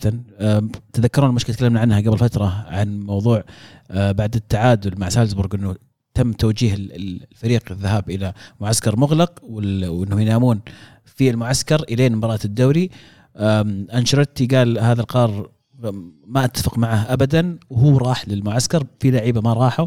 تسبب بيسكلي قال للمالك إنه مو على كيفك تنادي معسكر بعد المباراة هذا قرار المدرب يعني. بهالبجاحة إي بس هذا هذا معناته الشيء اللي. سواه إنه مو على كيفك طيب اسمعوا يا لاعبين أنتم روحوا ما عليكم أنا المدرب أنا البوس وأنا بروح بحضر هناك أتفاهم مع ذا الخبل اللي عندي طبعا هذا باختصار السالفة يعني فعلا تكلمنا عنها قبل واللي صار زي ما قلت إن رجاء مالك النادي ولقى أنشيلوتي الحبيب الحالة محضر ومعاه الظاهر كم لاعب جايين ما عندهم شيء وثار جنونه وصار الفيلم الآن وزي ما قلت صار ذكرني كثير باللي كان صاير مع ظاهرهم بورتو كان السنة الماضية مو بورتو لشبونه الظاهر. لشبونة. لشبونة. لشبونة. وش كان هل في مقارنة فعلا. تحس في مقارنة بين الموقفين أم، نوع نوعا ما بس آه، مشكلة شركه آه، سبورتنج كلوب إن ال- ال- الجمهور اللي اللي اللي يسوي المشكلة مو بالرئيس أو المالك آه، ال- ال- الجمهور طالبوا جو للتمرينات وطالبوا أو يوم الفريق خسر راحوا طقوا اللاعبين ف فأتوقع يعني في اختلاف نوعا ما بين الحالتين. كيف تشوف طب نهاية فيلم نابولي هذا؟ ذكرت أنا قبل ما أدري إذا الحلقة الماضيه ولا قبلها أن أن أن آه، السايكل حق توتنهام حق عفوا حق نابولي آه، وصل إلى نهايته ففي لعيبة لازم يطلعون الفريق لازم يتجدد. آه، فهذا هذا هذا اللي اللي اتضح للرئيس. آه، حاليا آه، بس الله يهديه لو انه بايع كم لاعب في الصيف اللي راح آه، كان ساعده الموضوع آه، أكثر لكن الحين آه، تفاقمت الأمور وما عرف يدير آه، ال- ال- السالفة اللي هو دي لورينتس. والأمور راح تتفاقم زيادة إذا زاد الطين بله من الآن إلى نهاية الموسم. فلازم يهدي الأمور شوي هو. ويقول لك آه، يعني بناء على ذلك إن بكرة المفروض مباراتهم مع ليفربول إذا ماني غلطان بكرة أو بعد بكرة آه، لو إنسينيا كان أحد اللعيبة اللي ما انضموا إلى التشكيلة آه، عشان مباراتهم مع ليفربول. فواضح إن المشاكل مصاب نسينا مصاب. أوكي أم طبعا آه، في الموضوع اللي بعده كمان رونالدو مولع على جميع الأصعدة مع منتخب البرتغال تحديدا وقاعد يسجل أهداف يمين يسار ويوفي يفوز 3-1 على أتلانتا ولا وجود لرونالدو في الملعب. إيش صاير يا عزيز؟ أم، رونالدو طبعا شارك مع منتخب البرتغال. أم، آخر مباراة له قبل ما يروح للمشاركة مع المنتخب طلع رونالدو من المباراة في الدقيقة يمكن تقريبا 60 أم، الكلام كثر بعدها لأنه غادر مباشرة الملعب ما قاعد على الدكة. أه، البعض حدث عن إصابة رونالدو بعض قال زعلان. اللي اللي طلع في الأخير للإعلام أو تم الإعلان عنه إنه رونالدو كان فعلا يشعر بإصابة لكن ما كان حاب يطلع لكن ساري فضل إنه يريحه عشان ما يخسر هذا اللاعب. طلع رونالدو راح شارك مع المنتخب جاب هاتريك أول مباراة وجاب هدف المباراه اللي بعدها وصل 99 هدف.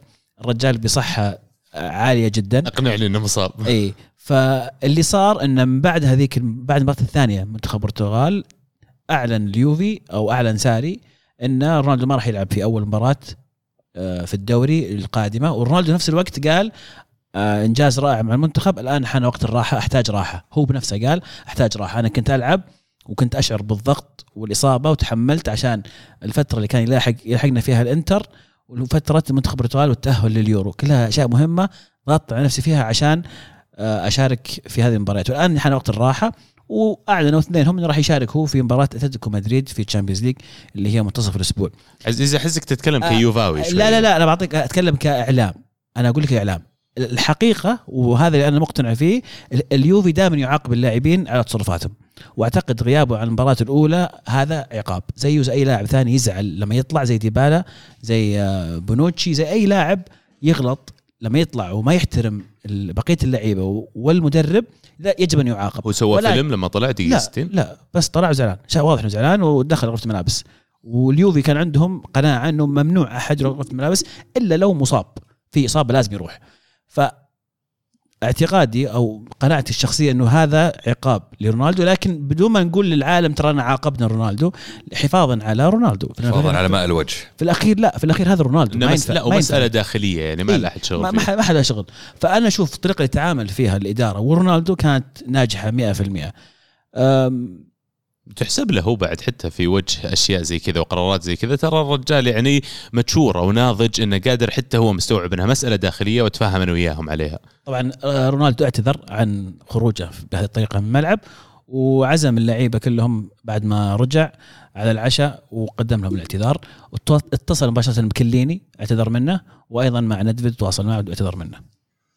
مبروك لكم الفوز آه، هيغوايين يعني فوز, من اللاعبين. فوز غير مستحق. بس آه، هيغوايين من اللاعبين اللي كنتوا تحاولون تطلعونهم وشوف آخر شيء صار. صار لهم في بالضبط صار لهم دور أساسي الآن في مباريات زي كذا. هذا كان ترى قلته أول ما بدأ الموسم قل- قلت لكم إنه اللاعبين اللي كانوا يحاولون يطلعونهم اليوفي بدأوا يشاركون بشكل أساسي أضف إليهم خضيرة ومتويدي نفس الشيء. اللي كان يوفي يحاول يطلعهم صاروا أساسيين.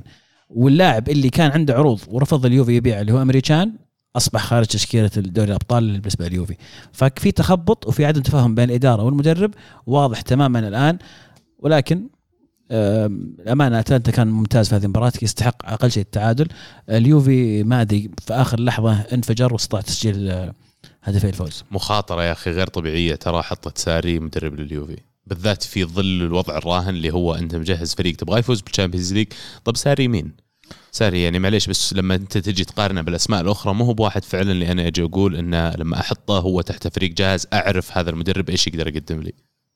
بس, بس يعني هي مغامرة. هي مغامرة فعلا. مغامرة مغامرة مهما كان أنت يعني. غامرت أصلا مع مع أليجري غامرت مع كونتي.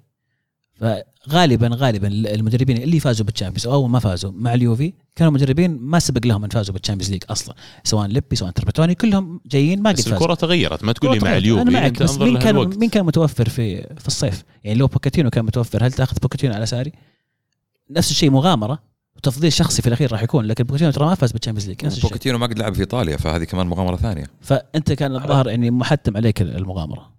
يعني مهما في وجهة نظري اداره إدارة ال- اليوفي كانت مترددة في موضوع أليجري لكن لو إنهم كانوا فعلا مخططين على إقالة أليجري كان عندهم متسع من الوقت إنهم يخططون مع زيدان قبل ما يخطفونه آه، ريال مدريد ف-. في الأخير هم حطوا نفسهم في الزاوية وما لقوا إلا ساري فقالوا خلينا نجيب ساري صح أتفق معك. الظاهر إنه ما كانوا مخططين من بدري على إقالة أليجري وبالنسبة لهم ساري على الأقل يعرف الدوري الإيطالي عنده خبر في الدوري الإيطالي تو فايز ببطولة أوروبية. والله فعلا خياراتكم ما كانت كبيرة لأن في زيدان حتى اللي تكلمت عنه مغامرة كبيرة يعني برضه ما قد درب في إيطاليا ف والله ما أدري بس أنا ما أفضل ساري كقرار تفضيل شخصي زي ما قلت بالذات في project زي اللي قاعدين يحاولون يحققونه يوفي. أجي أحط ساري في فريق يعني زي معاناة ارسنال الحين ولا سبيرز لما جاي يدور مدرب ثاني ولا كذا بس ما راح أجي أدوره إنه هو اللي بيجيب لي ال Champions هذا المواضيع اللي عندنا في إيطاليا. يبقى لنا موضوع وحيد يمكن ولا موضوعين. نوصل لفقرة حول العالم. نبدأ أول شيء نبارك لي في نادي فلامينغو البرازيلي على فوزه بالكوبا ليبرتادوريس بطريقة غريبة جدا. هدفين في الدقائق الأخيرة يعقبها كرت أحمر. تحب تعلق على الموضوع عزيز؟ ما أدري بحولها ألمو بعد شوي لأنه يمكن النهاية هذه يذكر بنهائي ثاني لل Champions League. ما تعطيهم جوائز؟ شوف جابي جول يستاهل جائزة بيروتيلي اللي جاب هدفين في آخر الدقائق هدف دقيقة دقيقة 88 دقيقة 91 أو 92 وبعدها انطرد. لكن فلامينغو بقيادة مدرب خورخي خيسوس مدرب الهلال السابق مدرب آم، سبورتينج آه، السابق آه، مدرب رائع صراحة فلامينغو قريب جدا من حسم الدوري إذا ما حسمه الظاهر أمس أنا ناسي والله لكن حسم الدوري حسم الدوري خسر جريميو الدوري. 2-1 وفاز بالدوري حسم الدوري بدون ما يلعب بدون يعني. ما يلعب بدون ما ذكرني يسوي فريق فاز بآسيا ولسه متصدر بدون ما يلعب. سبحان الله بس لا تعيدها ألمو مبروك أنت تشجع فلامينغو صح؟ لا لا غير صحيح أنا أشجع سانتوس قاعد لك من قبل بس آه، ويكره الريفر بعد. آه، يعني أشجع جيسوس بصراحة لأنه كان يستحق آه، خاصة تعرف قديش إني يعني آه، من الناس اللي اللي ما يحبون وغير مشجعين لريفر بليت. فأنا كنت سعيد جدا بخسارة ريفر بليت أكثر ما كنت سعيد بفوز فلامينغو. المدرب جيسوس مدرب رائع وقدر يرجع فلامينغو إلى إلى الواجهة. فاز بالثنائية هذا الموسم في مباراة كانت روعة بصراحة على طريقة مانشستر يونايتد عام 99 آه، ال- الإصرار والعزيمة قدروا يفوزون بآخر الدقائق. جابي جول فعلا آه، تقدر تقول إنه صنع نفسه مرة أخرى. آه، الإنتر ميلان محظوظين. أنا لو لو إني مكان إدارة إنتر ميلان أبيع آه، صراحة آه، لوتارو مارتينيز إلى برشلونة ب 120 مليون. وأرجع جابي جول آه، لإنتر ميلان. ونشوف وش ممكن خليه. جنب لوكاكو. جنب لوكاكو أبد ياخذ لوتارو مارتينيز وتطلع ربحان كم جايب لوتارو مارتينيز أتوقع مو بأكثر من 20 مليون قليل لو ترى مارتينيز بس 120 وتجيب هذا ترجع ما أشوف 30 مليون الإنتر. من هذا النوع. من الأندية اللي يفكر إنه يضخم لا يقدر يخليه الإنتر الانتر عنده- إذا عنده طموح فعلا يبغى يفوز بالدوري يبغى يرجع ينافس على ال Champions League ليش بيبيع لوتارو؟ ولوتارو اللي شفناه حتى من مباراة الأرجنتين. اي بس. ما تلقى مثله. لوتارو ترى اليوم أنا أشعر أن وزنه في الإنتر قرب ينفجر ويعني اللاعب بي راح يصير يسوى أكثر بكثير من المبلغ هذا لأن اللاعب مش طبيعي. في مباراتهم يا أخي أرجنتينا مع البرازيل اللي في الرياض حضرناها يا أخي اللاعب لما يمسك كرة فرق فرق عن أي لاعب ثاني على الملعب. وعلى فكرة حتى ميسي كان على الملعب لكن لوتارو كانت لمسته غير. خطير خطير جدا خطير. مو طبيعي اللاعب. آه. جابي جول يعطيك أشياء مشابهة. بس الفترة الأولى صراحة ما كانت مرة يعطيك- يعني للأسف. كيف؟ الفترة الأولى ما كانت مرة كويسة مع الانتر يعني أنا كنت متحمس كثير على اللاعب هذا لكن في الإنتر فعلا ما صحيح ما نجح صحيح. عشان كذا أقول لك وصنع نفسه مرة ثانية لما رجع البرازيل آه فمش غلط إنه يرجع لي لي- آه لإيطاليا فممكن يودونه إعارة طيب الموسم الجاي في في نادي في إيطاليا أتلانتا مثلا آه، ويختبرونه قبل ما يبيعون لو ترى اختبار قياس ولا تحصيل يا ألمو؟ بس آه، آه، بس فعلا فعلا بس برضو يعني قدر آه، قدر فلامينغو يفوز بالدوري وبدون ما يلعب بخسارة بالميراس. أنا عارف إنك من محبي بالميراس يا عبد العزيز ف hard luck. صحيح. هو لا بس. غير كذا فلامينغو يعني كونه هو النادي ال- الأكبر جماهيريا في البرازيل كونه هو النادي الأكثر آه، الأغنى في البرازيل آه، فاز قد آه، قبل بالليبراتوريس عام 1981 كان مع فريق زيكو وبعدها لعبوا في بطولة ال Intercontinental Cup مع ليفربول وفازوا على ليفربول أصبح بطل العالم. 3 0 فالسؤال يط... السؤال يطرح نفسه الحين في بطولة كأس عالم الأندية الهلال فلامينغو عزيز ألمو توقعاتكم؟ الهلال راح يتخطى آه، قبل قبل ما نوصل بس يعني جمهور جمهور فلامينغو كان ينادي ويصوت لجم- لليفربول هيا تعال يا ليفربول بنعيد آه، سالفة 81 آه، بس أحب أذكر جمهور فلامينغو آه، نادي فلامينغو ان إن في آه، طرف آه، عربي ممكن يقابل راح يقابلهم في نصف النهائي. في عقبة آه، كبيرة قل له الهلال راح يقابل يقابل الترجي التونسي آه، بطل أفريقيا. طبعا آه، الترجي التونسي أحد أكبر أندية تونس وأفريقيا ككل. وبينهم وبين الهلال صولات وجولات في بطولات عربية سابقة. فراح تكون مباراة رائعة واللي واللي راح يفوز من هذول الفريقين ما راح يكون لقمة سهلة لفلامينغو. فإذا أنت يا ف- فلامينغاوي توقع إنك بتروح ليفربول كذا على طول تلعب معهم فيعني نقول إنه بدري عليك. هيا تعال يا فلامينغاوي هيا تعال. عندنا ثار إحنا إحنا بنفوز على جيسوس وعندنا كويلار ماخذينها من فلامينغو فراح تكون مباراة جميلة جدا. عندك اضف. أضف إلى ذلك إن جابي جول ما راح يلعب هذه المباراة لأنه مطرود. مطرود وش في النهائي ما يلعب في كأس العالم للأندية من جد؟ صح صحيح.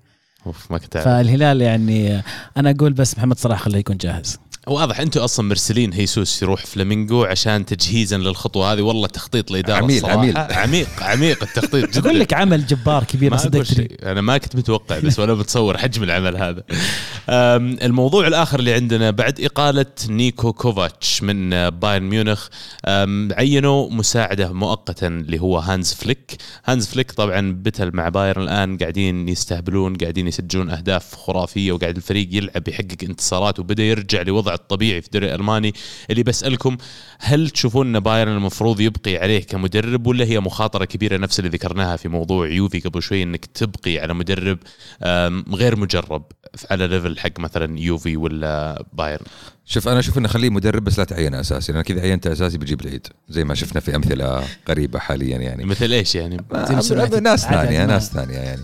لا بس بصراحة بكل جدية كون المدرب آه، يعرف النادي وكون إن مستوياته حاليا كويسة مع النادي ما تمنع إنه يتم إقالته. حاليا ما عندك بدائل كثيرة ممكن في السوق إذا قدرت تجيب بوكيتينو يكون شيء جميل بس في نفس الوقت مخاطرة لأنه بيكون أول مرة يدرب في الدوري الألماني. ف يقول لك المثل إذا if it's not broke don't fix it. يعني ف why not? والله ليش لا فعلا؟ أنا أشوف انه بشكل عام بايرن حاليا أه، صعب يخطئون في الاختيار. في خيارات كبيرة موجودة ومتوفرة وأنت تروق وعندك سوبر ماركت الدوري الألماني اللي تروح تاخذ أي واحد تبيه من هناك. يعني أمورهم طيبة لا تخافون عليهم البايرن. أه، موضوع أخير في إنجاز للمنتخب المصري يمكن يقدر يحكينا عنه ألمو. آه، فعلا المنتخب المصري الأولمبي تحت ال 23 سنة فاز بأمم أفريقيا بالنهائي أمام كوت ديفوار آه، 2-1 بالأشواط الإضافية وتأهل إلى آه، اولمبياد الصين آه، اولمبياد اليابان عفوا آه، في الصيف القادم 2020 فألف مبروك للمنتخب المصري آه، والمصريين آه، بهذا الإنجاز الرائع. إي والله ألف ألف مبروك لكم من القلب إنجاز كبير وطوكيو إن شاء الله هي الموعد.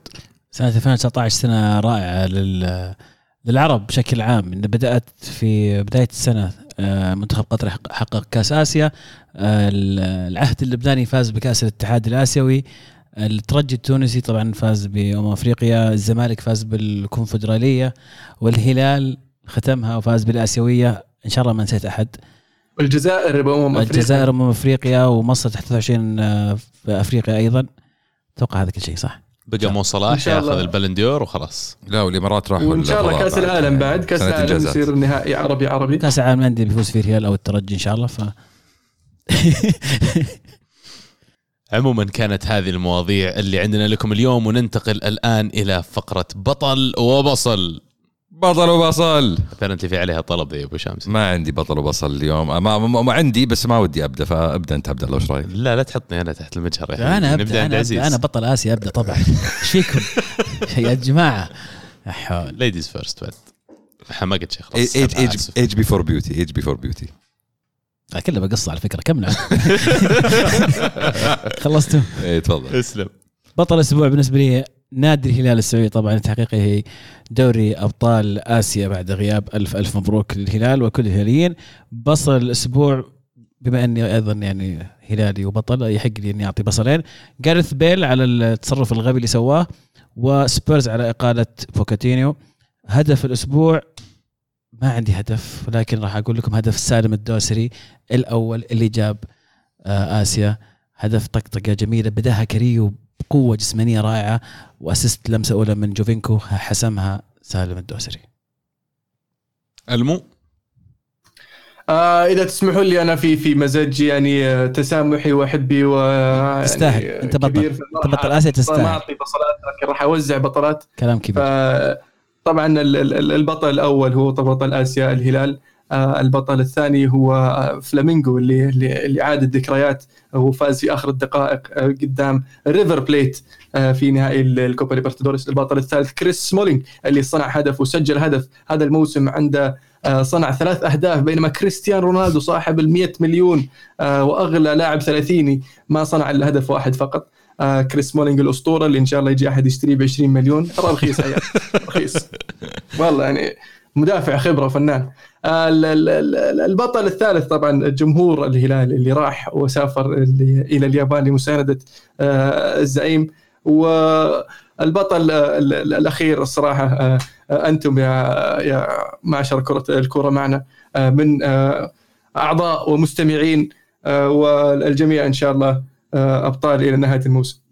أمة الكرة معنا يا ألمو نعم والهدف عشان ما ننسى الهدف هدف حارس آه، شيفاس جوادالاخارا اللي سجل هدف من منطقة الجزاء حقته آه، استغل تقدم الحارس في في في كورنر الفريق الخصم و- وسجل هدف آه، بالمرمى فاضي بو شامسي دورك الحين؟ لا مو بدورك لا. دورك أنت أكيد. الحين أبد طيب أنا دامكم توزعون أبطال كثيرة أنا عندي برضو بطل أنت بطل آسيا أنت بطل آسيا ما أنا. البطل الأول هو جابي قول على قلب نتيجة نهائي الليبرتادوريس هدفين في خمس دقائق أسرع هدفين في تاريخ الليبرتادوريس ويصنع التاريخ مرة أخرى لنادي فلامينغو نسيت من هو البطل الثاني صراحة ما في بطل ثاني خلاص. أنا أنا عندي بطل نسيت أقول لك إياه الصراحه اللي تفضل، هو، أنت بطل- أنت بطل آسيا؟ راين راين جيجز نعم. يسمح لك راين جيجز ومنتخب ويلز اللي اللي قدروا يفوزون في آخر مباراتين لهم في التصفيات ويتأهلوا مباشرة إلى اليورو 2020 آه طبعا نتذكر بداية ويلز كانت متعثرة آه خسر أول مباراتين له في التصفيات وشبه عليه الإعلام وقال مقولته الشهيرة أن ال- ال- الفرق آه، في المجموعة راح تأخذ نقاط من بعضها وراح نلقى نفسنا في موقف آه، أفضل آه، في نهاية التصفيات. وفعلا كان الموضوع بيدهم في آخر جولتين وقدروا يفوزون بقيادة بيل ورمزي في آه، اخر مباراتين في التصفيات والتأهل المباشر إلى يورو 2020 خلصت؟ إيه تبي بطل زيادة؟ أنا أبغى بطل زيادة صراحة بس ما حسيت إنك تركت لي مجال يعني. آه البطل الثاني. قلتهم عنك يعني خلاص يكفي. البطل الثاني بالنسبة لي هو نادي هو منتخب فنلندا يتأهل لأول مرة إلى بطولة كبيرة بقيادة تيمو بوكي لاعب نورويتش سيتي. البوكي party سوف تصل إلى اليوروز. مبروك لبوكي مبروك لفنلندا. هدف الأسبوع بالنسبة لي هو هدف أياكس الأول أمام نادي هيراكلز آه كان هدف رائع الكرة كانت عند قلب المدافع قلب الدفاع. آه تسع مناولات سريعة أوصلت الكرة إلى منطقة جزاء الخصم. رفعتين سببت بدخول الهدف.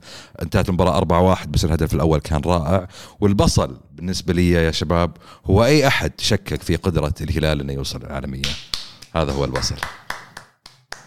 لا تحاول تتملق.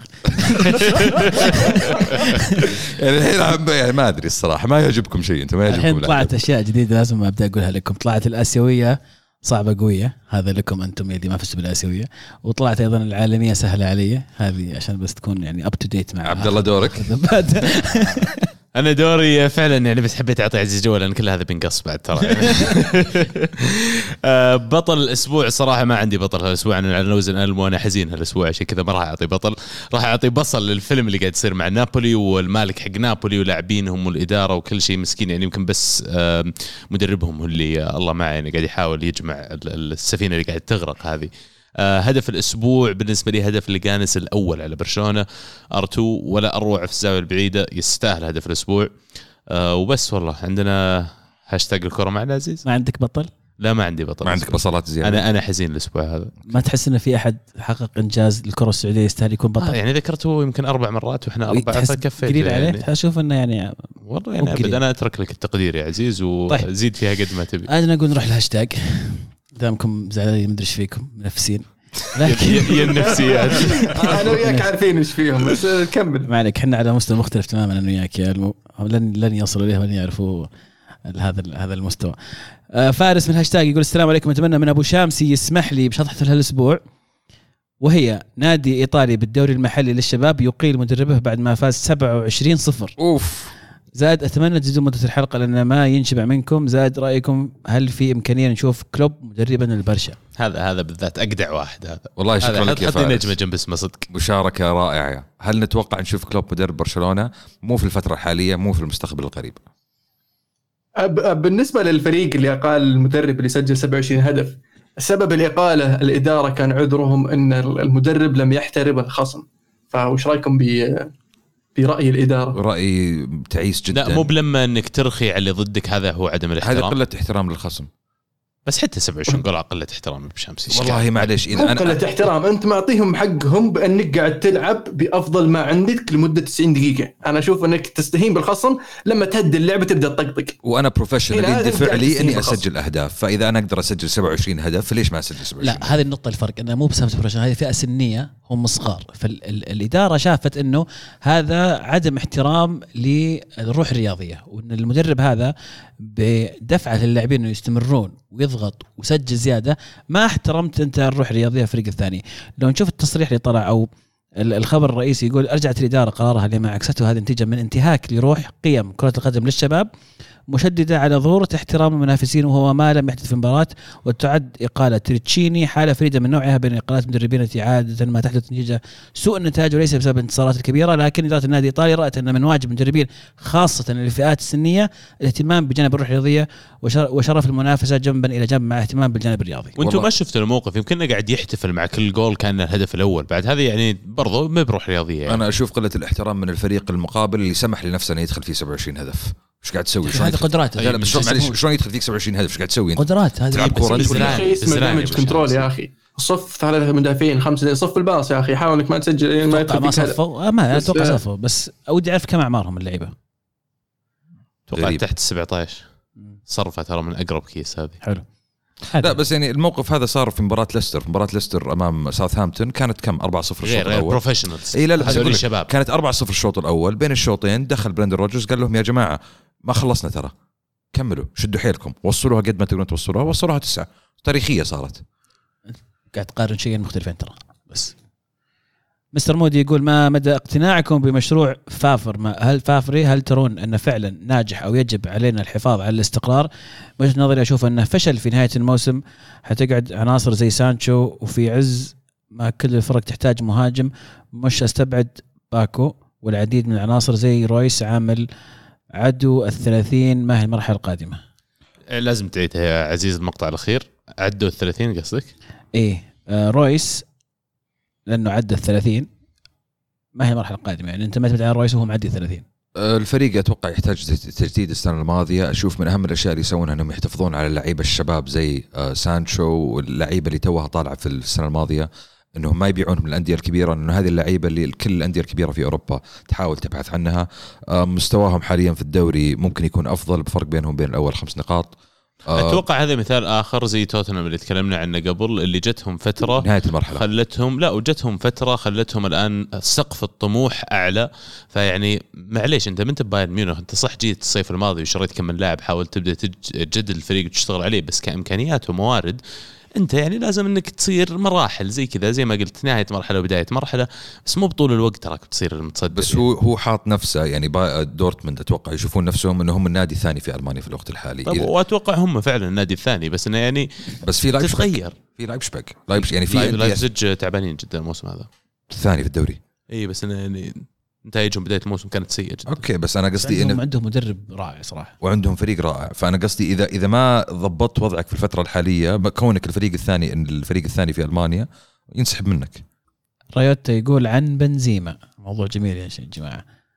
نعم نتذكر اننا كنا نقول إن بنزيما لاعب سيء لأن بنزيما لم يسجل في الديربي. ثلاث مباريات انفراد بالصدارة وكلها ضد فرق نهاية الترتيب ثلاث مباريات بالأبطال. هل المهاجم الخارق المتفجر هو من لا يسجل في المباريات المهمة ننتظره أن يحمل فريقه هذا الموسم في إقصائيات الأبطال الديربي والكلاسيكو. من أول وإحنا نتكلم عن أهمية بنزيما ويعني وجوده في مدريد لا يعوض والآن بدأ فعلا يبين. يبقى موضوع الحين طلعت بيل ولا لا؟ بتثبت أكثر أتوقع ال position حق بنزيما في الفريق. هل بنزيما فقط يظهر في المباريات السهلة؟ أنا أشوف إن بنزيما المستوى يعني بعد خروج رونالدو بنزيما تحول كلاعب أصبر أصبح اللاعب اللي ياخذ مسؤولية أكبر في الفريق وما أشوف إن الصراحة عادل إنك تقول إنه يختفي المباريات الكبيرة. عادل ولا عبد المعطي؟ طيب. يعني هو قاعد يعطيك بعدين قاعد يعطيك حقائق. وبعدين ترى معليش هداف الدوري يعني. حقائق يقول لك طيب حقائق ما سجل في الديربي أبطال ما سجل. okay يا أخي جيرو ما سجل ولا جول بطل كأس العالم. بالضبط. وحاليا بنزيما هداف الدوري. وين؟ هو ب جيرو- 10 أهداف. جيرو بطل العالم بنزيما مو بطل ما خلوه. طيب أحمد يقول المانشستراوية اللي يقولون ليفربول محظوظ أو الاتحاد الإنجليزي يدعمهم ترى يسوون نفس اللي سووه جماهير الدوري الإنجليزي آخر 20 سنة. كل ما فاز مانشستر يونايتد بالدوري. اي بس في الفرق إنه كان في شيء اسمه Fergie time وكان الشيء هذا حقيقي وما كان في فار وقتها وكانت تجيك أهداف مدري شلون. والحين صار في تكنولوجيا تحميك من الأفلام ذي. أقول صار التكنولوجيا فيلم يا أبو بالعزيمة تجي هذه اللي ما تدري شلون يسمونها أهداف بالعزيمة. Fergie time. والروح العالية. صح. أنا أتفق مع المو في هذه النقطة. Fergie time. أه، ريوتا يقول بطل الأسبوع هو ابن كارديف البار جلاد الصحافة الإسبانية القذرة وجماهير البرنابيو المغيبة. حملة ممنهجة ضد من ضده من الشائعات والاكاذيب لبيع الورق الأصفر. لو كان لاعب في نادي آخر لبنوا له تمثال حاسم في كل النهايات التي لعبها ومع ذلك لم يعجبهم. والله يعني تعليق يستاهل يستاهل البطل بصراحة. وش اسمه شو اسمه الرجال؟ فعلا تعليق ريوتا- مثير. ريوتا مصعب ريوتا تستاهل بطل بطل. كريس تستاهل بطل هذا الأسبوع. أنا قاعد نوزع أبطال اليوم. بس فعلا تخيل بيل في في في في يعني الإنجازات اللي حققها بيل في أي نادي ثاني. يعني سوف يتم احترام اللاعب بطريقة أكبر بكثير من اللي هي الوضع الحالي يعني. فهد يقول ألحق يا ألمو كريس سمولينج سجل وصنع وش تبون ماجواير؟ موجود كويس سمولينج والله كريس سمولينج. تعال اشترى. تبيه؟ بخلي لك يا ألمو حبا فيك. أنا أبغى أبيعه. أنا أدور مشتري. أنا أخاف أشتريه أرسنال يا ألمو. وناخذ ال top four position عليكم. فلا أنا عندي الإيثار عالي. الله- والله الله. تستاهلون. عاد تستاهلون. الرياضية. خصم. بي إكس ار يقول يونايتد أمام فرصة لا تعوض لتعديل المطاريس اللي حاصلة بفريقهم من فوق سبع سنين. بوتشيتينو مدرب أثبت نجاحه وأسس فرق قوية مثل توتنهام وساوثهامبتون. حرام لو تركوا الفرصة تضيع من بين يدينهم واستمروا مع أولي. فعلا حرام. فعلا. كلامك شيلي ألمو. آه مو بالحين لا. ما تشيل ها؟ لا. متى أنا طيب؟ تبيه في الصيف. تبيه الصيف اللي راح. طيب وراك زعلت عليه الحين هنا الحين فاضي الرجال ما عنده شيء. طيب بس أنا عندي مدرب. أوكي. مش حبيبه هو. هو أحسن. ويوصلك لنهائي ال Champions. أنت شكلك أبو شامس ودك تسولف عن الموضوع فأنت لا. تشيل ولا لا لا؟ لا أنا عندي سؤال مهم والله سؤال جدي. ألمو تعتقد إن أولي فعلا راح يوصل يونايتد للأهداف اللي يبغاها اليونايتد؟ أنت تشوف إنه ماشي بالطريق اللي يوصلكم فيه؟ هل أنت متفائل من اللي قاعد يصير الآن؟ آه نعم. آه، أنا أشوف ان إن آه، أولي ما معه عصا سحرية ما راح يقدر فجأة كذا يصير إنك تنافس على الدوري. آه يحتاج فترة على أساس إنه يكون الفريق ي- يصعد اللاعبين الشبان اللي اللي قاعدين نشوفهم مثل آه، جارنر مثل آه، آه، جرينوود مثل آه، تشونج وجوميز مثل آه، ويليامز اللي قاعد نشوفه براندن ويليامز. فيحتاج يحتاج الفريق شوية وقت يحتاج إلى تدعيم بعض المراكز آه، مثل آه، خط الوسط آه، الجناح اليمين والمهاجم. لكن صعب إنك تجيب خمس لاعبين في في صيف واحد فتحتاج آه، الموضوع يحتاج إلى تدريج أكثر أكثر من ويندو خلينا نقول فترة انتقالات على أساس إنه يقدر يجيب العناصر اللي يبغاهم واللاعبين اللي عنده يكسبون الخبرة الكافية اللي هم ينافسون على اعلى الأصعدة. أنا أعتقد يا ألمو إنك تدور بس على سير أليكس ثاني عشان كذا تبي تصبر عليه. لا, يعني شوف كم كم مدرب مر علينا من السير أليكس؟ ثلاثة طيب وش فادنا من التغيير؟ يعني مويس ما كمل موسم ثم فان خال ما كمل عقده ثم مورينيو ما كمل عقده وكان نستمر في التغيير طيب آه يعني مويس ما يدري إيش كان قاعد يسوي. آه فان خال كان قاعد يسوي شيء بس ما انتظرنا لين يكمل اللي قاعد يسويه. آه مورينيو قاعد يحاول يسوي شيء لكن وصل الإدارة قالت لا أنت واضح إنك تبغى تسوي شيء مو هو اللي إحنا نبغى نسويه. بعدين الحين جبت الواحد اللي يبغى يسوي شيء اللي أنت تبغى تسويه بس يحتاج وقت بتكون ثقيلة. فوش تستفيد شوف يحتاج وقت أنا أشوف إنه ما عنده القدرة. أنا هذا رأيي في اولي أنا أشوف إنكم أنتم متحاملين على أولي يعني قاعدين تقولون لا والله أنا ما بيني وبينه شيء شخصي يعني ما بيني وبينه شيء. قلت قلتوا عندنا كلام في حلقات سابقة أنا ما كنت موجود معكم فيها واتهمتوه إنه كان يدرب كان يدرب أفضل فريق في في النرويج عشان كذا فاز بالدوري. مولدا ما قد فاز بالدوري قبل أولي ولا قد فاز بالدوري بعد أولي. مولدا فاز بالدوري مرتين والكاس مع أولي ثم أولي راح يدرب كاردف مولدا ما فاز بالدوري ذيك السنة يوم رجع لهم فاز بالدوري معهم مرة ثانية. ف يعني مو بروزنبرغ روزنبرغ هو الفريق الأكبر والأقوى اللي عنده 26 دوري في تاريخ حياته. ف الموضوع يحتاج يحتاج وقت يحتاج تركيز يحتاج تخطيط. أنك تشيل وتركب وتشيل وتركب بتصير زي نادي يعرفه الحين يحارب على الهبوط في الدوري السعودي. فأنا ما أبغى أصير زي كذا. طب السؤال يا ألمو لو كان أولي تخيل أولي ليس ابن النادي. تخيل أولي ليس هو أولي اللي فوزكم في ال Champions League. تخيل أولي هو رجل عادي لا ارتباط له بمانشستر يونايتد. هل بتعطيه نفس الفرصة اللي قاعد تعطيها الحين؟ هل بترضى بنفس المستويات؟ ما له علاقة في النادي كان ما صار هنا أصلا. إي خلينا نفترض إنه ما له علاقة في النادي. خلينا نفترض ان الرجل لو هذا ما له علاقة في النادي كان ما جاي يدرب يونايتد من أساس. طب خل... إن هذا ال value جاوب جاوب جاوب جاوب بالضبط. نفس الشيء على لامبارد ترى فكرة نفس الشيء. لو لامبارد مو لامبارد ما درب تشيلسي. صحيح بس أنا أتكلم بناء أنا لامبارد حاليا اللي قاعد أشوفه منه شيء كويس. أنا أولي من يوم ما تعين من يوم ما تعين كمدرب رسمي إلين الحين اللي شفته منه ليس كويس. فأنا اللي بسال حبيبي، المو الفريق الفريق اللي عنده ترى معليش ترى ترقيع والعناصر اللي عنده يعني معليش اللي اللي و- وسانشيز ولوكاكو صح إنهم لعيبة خرافيين بس لعيبة إذا اللاعب ما يبغى يقعد عندك ولا يشوف إنه له مستقبل عندك ما يعطيك. فلازم تمشيه بس إنك ما تقدر تمشي كل هذول مرة واحدة. ما أقدر أمشي أنا سمولينج وجونز وروخو وماتيتش في نفس الوقت لأني ما أقدر أعوضهم كلهم في نفس في نفس الفترة. فالموضوع ياخذ تدريج. فيحتاج وقت على أساس إنه يمشي deadwood ويجيب مكانهم ناس. آه، أنا أنا أنا لو علي كان مشيت حتى حتى أشلي يونغ معهم وماتا بس صعب إنك تشيل هذول اللاعبين مرة واحدة. ثم تبدأ تخطط لأن بتحط نفسك في موقف محرج. والحين شوفوا ما ما شالهم كلهم مانشستر يونايتد في موقف محرج لأنه ما عنده اللاعبين الكافيين أنه آه، يعوض بعد الخسارات آه، شفت مباراة شيفيلد يونايتد مانشستر يونايتد كان آه، ضايع في الوسط لأنه ما في أحد يعوض مكتوميناي. ماتيتش مصاب ومكتوميناي مصاب وبوجبا مصاب. ما عندك إلا فريد وقاعد يلعب جنبه. بيريرا اللي هو يعني شفناه إنه ما ينفع يلعب محور لأنه مو بمحور أصلا. أحس شطحنا على الموضوع كثير يا عيال. طيب هذا اللي كان عندنا في هاشتاج الكرة معنا. شاركونا أيضا الأسبوع القادم على نفس الهاشتاج الكرة. underscore معنا. ارسلوا لنا أسئلتكم آه، تعليقاتكم تحليلاتكم تحليلاتكم توقعاتكم. كل شيء عندكم فيما يخص كرة القدم. الأسبوع الجاي ترى أسبوع دسم في Champions League وفي دوري. اعطونا أعطونا ارائكم وإذا سمعتوا شيء في الحلقة ولا ننسى تبريكاتكم يعني ترى عادي تباركوا لنا يعني فايزين ترى في. اسيا التبريكات كل واحد في مستمره account ه الخاص لو سمحت التبريكات مستمره مستمرة لا استخدم دائما. الهاشتاج استخدم الهاشتاج عادي. والله ذولا مرة زعلانين علينا يا لا لا والله بالعكس. بالعكس. آه نشكر فعلا كل من شارك نشكر كل من غرد ونشكر كل من سمع الحلقة. ألف شكر لكم من القلب نذكرونكم تتابعونا على كل حساباتنا على التواصل الاجتماعي على تويتر iTunes SoundCloud آه، سناب شات موجودين كل مكان كل اللي عليك إنك تدور at الكورة معنا one word كلها بالإنجليزي وراح نطلع لك على طول. وإذا في أي برنامج صوتي ما لقيتونا عليه كل اللي عليكم تسوونه تغردون لنا. وبس أذكروا اسم البرنامج وإحنا بنتولى الباقي.